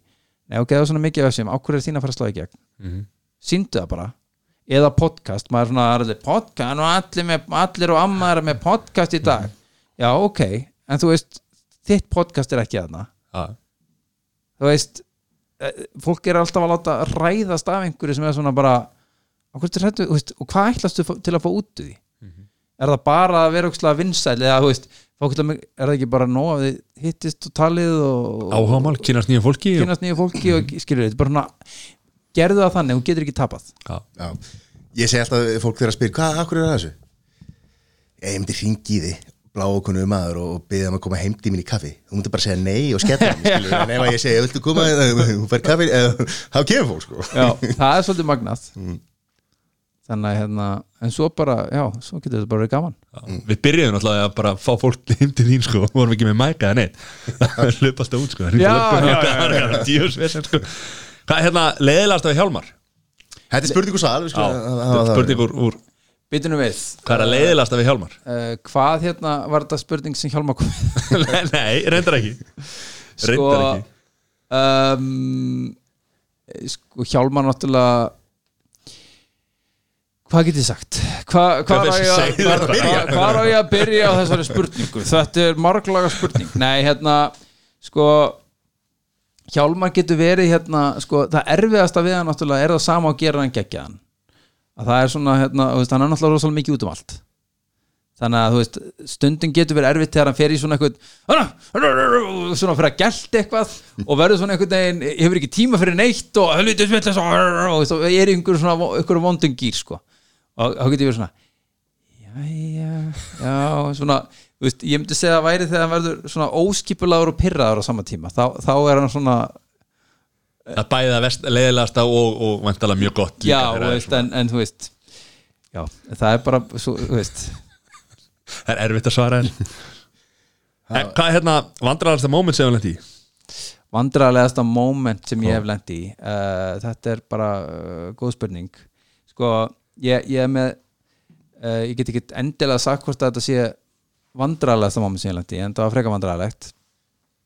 Ég sem sagt uh, var á ræðunámskeið hjá Jósi og það var svona 2006 þegar ég var að byrja að feta skrifa mín í einhverju svona dæmi. Og þá var veistla um kvöldið. Um, það sem hald, verið haldin ræðukeppni og svo að veistla um kvöldið. Og einn vinur minn sem var hérna á ræðukeppni og var ræðumaður líka að hann uh, sagðist ekki koma í partíð um kvöldið að því að hann var að fara í afmæli hjá mömmu konuna sinnar hjá tengdamömmu sinni. Þannig að ég ræðukeppnin byrjar og hann kemur hann inn með kærustunni sinni og ég, ég hafði aldrei séð hann áður þannig að þú veist þau bara koma þarna saman inn og sitja saman og og, þau, og svo er ég bara hérna og gengur rosa vel og ég fyrir rosa galsa rosa hress og allt gaman hjá mér. Og hérna og svo uh, hitti ég þau saman. Og ég segi hérna við gæjan bara leiðilegt skur ekki komast í kvöld.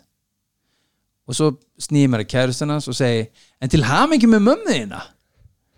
Og hún verður svona svaka skrítin á svipin ha, mömmu? Já, á hún gjamali nei. Nei, hún er enda dó fyrir tvei mánuðum já. Eru þið ekki saman? Nei, já, Tommy, nei. Nei, ég held að vera kærast þetta var svona moment sem að var það var bæði, var ég búin að þú veist, það var þetta búin að samrýkst með mömmu þína kem ég, kemst þú ekki kvöld? Og til hamingi með mömmu þína. Og svo einhvern veginn, en þið eru ekki par? Nei, við erum ekki par, nei Já, 1 plus 1, fuck. 1 plus 1, 2, 3 þetta, þetta moment var já, þetta var eitt af þessum góðum momentum í lífinu. Já. sem að, sem að lífið gerist. Uh, Já, Þetta er svo en, vont, en, en gaman að hugsa tilbaka. Svona vandrarlega moment sem maður lendir í. Að því að svo þegar maður hugsa tilbaka þá er það ekki jafn von sko, þá er það bara fyndir sko. Já, það er náttúrulega hvað er fyndni annað en eitthvað vandraralegt sem gerist oftar en ekki? Já Vandræðilegt pluss tími Vandraralegt pluss tími, já, sorglegt ekkert pluss sorglegt. tími Já Það er að gefa sér tíma sko Það er bara að gefa sér tíma, kemur húmórin hann sprettur á neikast staða fram Heyrðu, já, við hérna Live, live hérna Já, live, live podcast, hafið þið verið með live podcast eða? Já, Hafið þið verið með live já, podcast? komstu ekki það? Jú, geggjað. Ha, á hverju? Ha? Ha? Var, þið- þú varst þarna, var það ekki? Jú, jú, Jó, hann var á móti þér þarna og þið Ekki voru á að tala vorum hlið við hlið Hlið við ég Þú leist á hann þarna, hann leitt á þig, var það ekki það kvöld? Já, alveg rétt þér sko Já, við hérna gerðum eftir eftir Sober Oktober Já. þá, þá vorum við með uppgjör Fyrsta nómer fyrsta nóver sem Já. var föstudagur bara live á ölver sko. er Sober October! Þetta er svona eins og allir sem er búið að ganga svo vel hjá honum. Hann er ekki dott í þau tvö ár þannig að hann fagnar með því að detti í það. Þetta er svona geggjað. Þetta er bara nákvæmlega hann Þetta er ekki rétt vel hjá okkur, við skulum fara aftur í gamla lífu Ekki rétt að gráti hérna. Ræða þetta. Það væri þetta ekki gaman sko. Hérna, var. En hvernig fæ maður miða hérna hjá á, Er uppselt eða? Já, Það er uppselt? Nei. Nei. Það er samt verið gaman, Já, það. er En það, sko, málið er að miðasalan fór alveg bara Við heldum að það er uppselt að hálftíma að Því að seldust bara, ég, hor, ég bara gerði hérna refresh á miðasalan Það var bara 15, 30 Ég var bara shit!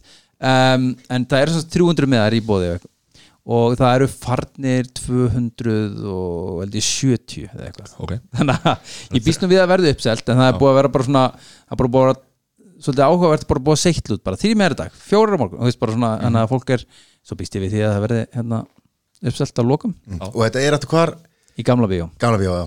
Já, Já, það er nú ansið góða salur í já, já þetta verður, við líka erum að fara all in þarna sko, við hérna um, þetta var náttúrulega live þáttur bara það sem að við komum og tökum okkar helstu svona einhverja pælingar og svona en svo ætlum við að vera með búninga og svona leika þessa karaktera sem við erum búin að vera með sko. Hættu að kvítiskólan verða þarna? Það er svolítið hættu að hún, hún mæta svæðið sko.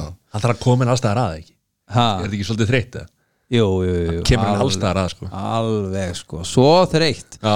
nei, nei, ég meina þetta er bara eins og annað þú veist, allir svona hérna svo það bara að finna nýtt líf í því eða þú veist að það er eitthvað svona hann er alltaf fáránlega vinsæl, vinsæl kvítinskonan og hérna bara í öll, að því að sko ég hef séð bara hvernig hún kemur inn í partí er í 10-15 mínútur og það er bara, Breytist allt. Ég þetta er bara eins og kveikt í því bara sko. Það er eiginlega bara þannig sko. Og það er ótrúlega skrítið, þetta er bara hjálmar í grænum kjól með hórkollu og það er bara og þetta er bara svona, það það er rosalegt sko. en svo reyndum að koma einu að hérna, að talandum sko, ég nú leik nú ekki kvítumskona en ég er hérna fyrir utan að vera myndar í trít, þá er ég byrjað að halda fyrirlestra. Voru, var- voru með, hérna, varst með með ívent í, í hörpunni núna Já, í, sem heit- í, Loki janúar eða bara, já, það ég ekki er búin að halda það fjóra ári þetta er bara það besta. Og hérna það er búin að koma á bylunu svona 200-400 manns á þessa fyrirlestra. Og ég er að fá bara alls konar fólk sem er að segja bara frá hvernig það breytti lífið sinu, hvernig lífið breyttist hvernig það tókst á við það. Og núna er ég sem bæði að halda fyrirlestra fyrir þú veist, vinnustæði og sem er svona sem heitir að vera í flæðinu og svo er ég að halda fyrirlestra líka fyrir svona bara hópa sem eru saumaklúba eða eitthvað svoleiðis sem að fjalla svolítið um tilfinningalega skiptitílin sem við gerum fólki í kringum okkar.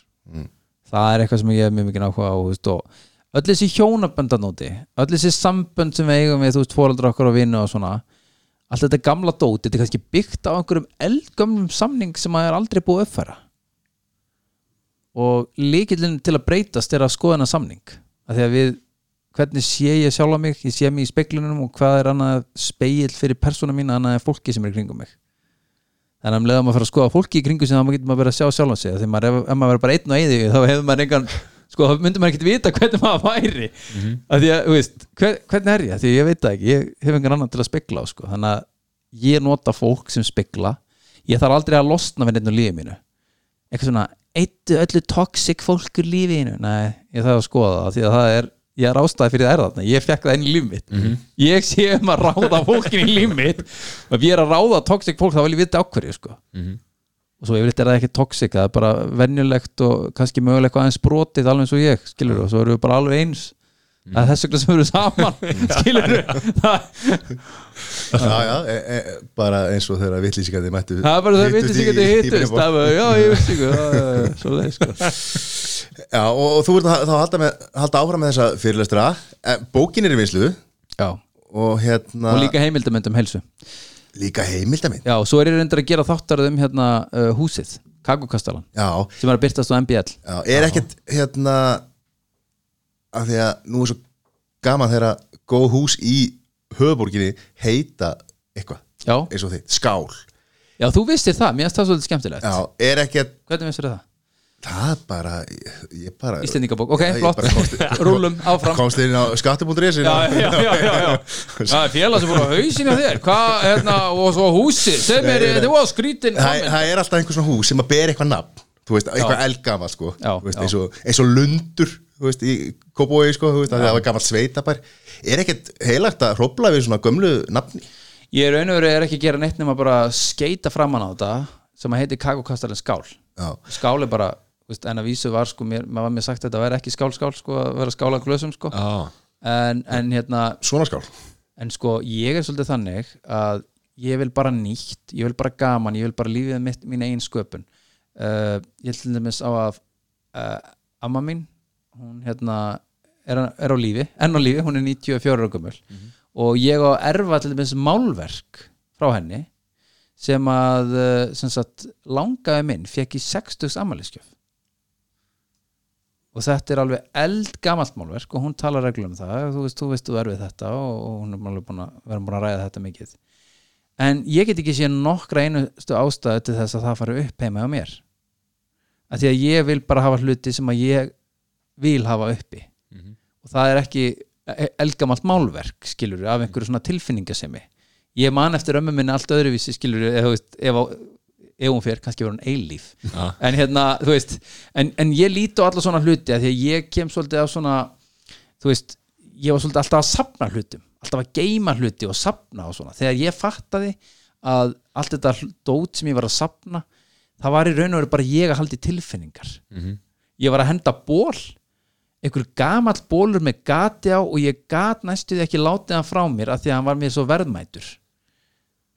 Það er rosalega skrítið að vera með gamlan snjáðan ból með gati, svona litlu gati á maganum og get ekki látið hann frá sér af því að hann hefur svo mikla tilfinningar. Þetta er ein leiðin til þess að verða staðnaður, það er að halda í svona hluti Þannig að ég, ég held að, að maður sé ekki að hlusta þannig að okkur en, en allar það ekki að setja þetta málverk það á ekki heima í kakókastalum ég vil til dæmis bara segja það að þú veist, gamalt nafn sem að ég sett ekki og okkur hús sem að ég á þetta máli heita kakókastalinn skál en ég skýr þetta kakókastalinn.